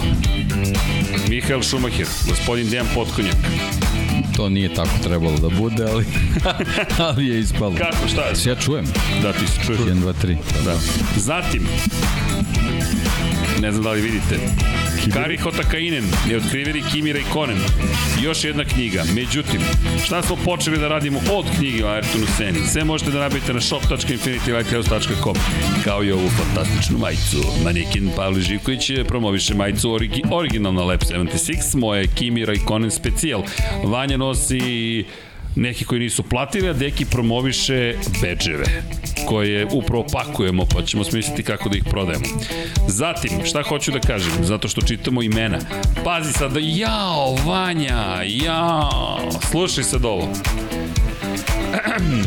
Ozren Prpić, Jelena Jeremić, Sava, Ivan Toškov, Stefan Dulić, Mladen Krstić, Marko Mostarac, Marko Bogavac, Nenad Ivić, Toni Ruščić, Ivan Maksimović, Zoltan Mezej, Mario Vidović, Miloš Banduka, Aleksa Vučić, Zoran Šalamun, Ivan Simunić, Predrag Simić, Đorđe Radović, Mihajlo Krgović, Filip Panovački, Nikola Božinović, Nenad Đorđević, Miroslav Vučinić, Monika Erceg, Omer Kovačević, Aleksandar Gošić, Jelena Makulu, Kasaović, hmm, ovde imamo jedan uno mistake, ali dobro, to ćemo, Žorž obećam, ispravit ćemo, za Rosija ćemo već da ispravimo, Stefan Vidić, Mlađan Antić, Marko Ćurčić, Borko Božunović, Milan Nešković, Bojan Mijatović, Petar Relić, Nenad Simić, Boris Gvozden, Andrej Božo, Josip Kovačić, Mirjana Živković, Boris Golubar, Đorđe Andrić, Zorana Vidić, Luka Manitašić, Ljubo Đurović, Miloš Vuletić, Dušan Ristić, Marina Mihajlović, Nemanja Miloradović, Vukašin Učeć, a ja čitam knjigu, čisto da znate, Đole Bronkos, Đole, u svim knjigama si, tako da znaš. Zatim Miroslav Cvetić, Stefan Milošević, Antonio Novak, Jasenko Samarđić, Nikola Stojanović, Mihovil Stamičar, Zoran Majdov, Nemanja Jeremić, Stefan Deđvić, znaš šta ovo znači? Paja ne može da se vadi na cvikere više. Lazar Pejević, Jan Gajan, Aleksa Jelić, Tijana Vidanović, Boris Kunđić, Aleksandar Antonović, Nemanja Zagorac, Dejan Vujović, Aca Vizla. Opa! Završili ste u knjizi Milan Ristić, Igor Vučković, Vukašin Jekić, Igor Gašparević, Aleksandar M, Žarko Mirić, Branko Bisački, Dejan Đokić, Bahter Abdurmanov, Bojan Markov, Alen Stojčić, Ognjen Ungurjanović, Ertan Prelić, Andrej Todorović, Emir Mesić, Miloš Todorov, Pavle Njemec, Đorđe Đukić, Vanja Radulović, Vladimir Petković, Vladimir Filipović, Aleksandar Jurić, Trahinja Blagović, depresivni navijač Kodija Garbranta ili ti depresivni Cody Garbrandt fan, Jovan Jodan, Stefan Stanković, Boris Ercek, Katarina Marković, Ivan Panajotović, Ivan C, Dimitri Mišić, Veselin Vukitović, Andrej Bicok, Nebojša Živanić, Andreja Branković, 19 tajnih pokrovitelja, plus Nenad Pantarić, Jugoslav Krasnić, Vlada Ivanović, Stefan Janković, Aleksandar Banovac, Miloš Radosavljević, Grgo Živaljić, Matija Rajić, Zoran Cimeša, Petar Nujić, Danijela Ilić i Ferenc Laslofi. Ibrahima Konate, Sadio Mane i Luis Diaz. Opa! Opa! Opa! 3-1. Čak i ja znam ove stvari, apa. Ispratio Deki, da li mi daješ prava da napravimo audio knjigu od ovog? Apsolutno. Šta da vam kažem, gospodo, znam koji će biti glasovi u knjizi. Audiobook, reci. Ja mislim da imamo We Have a Winner. Dami i gospodo, Infinity Lighthouse, Lab 76, gospodin Pavle Živković, Dejan Potkonjak, Vanja Milićević, dama koja vrši prodaju koju ćemo otpustiti zato što je bolje od nas u fantaziju, a zatim, naravno, Dom Pavlo tamo negde sakriven u dubini magacina jer neko mora da nosi teške stvari i naravno moja malenkost, Srđan Erceg, nadam se da ste uživali, mi smo se silno zabavili, Deki odvezao polovinu trke u Australiji od manje više, otprilike tu smo negde. Odvezao, izgulio sve ograde, jel da? Simulaciju je odradio. Evo ovako izgleda simulacija trke kad se sedne simulator. Kolače smo pojeli, vreme da idemo da spavamo. Mama, ako još slušaš, volim te i vidimo se. Ljudi. Ćao svima ljudi. Ćao svima. Ćao, Ćao, ćao. ćao. svima.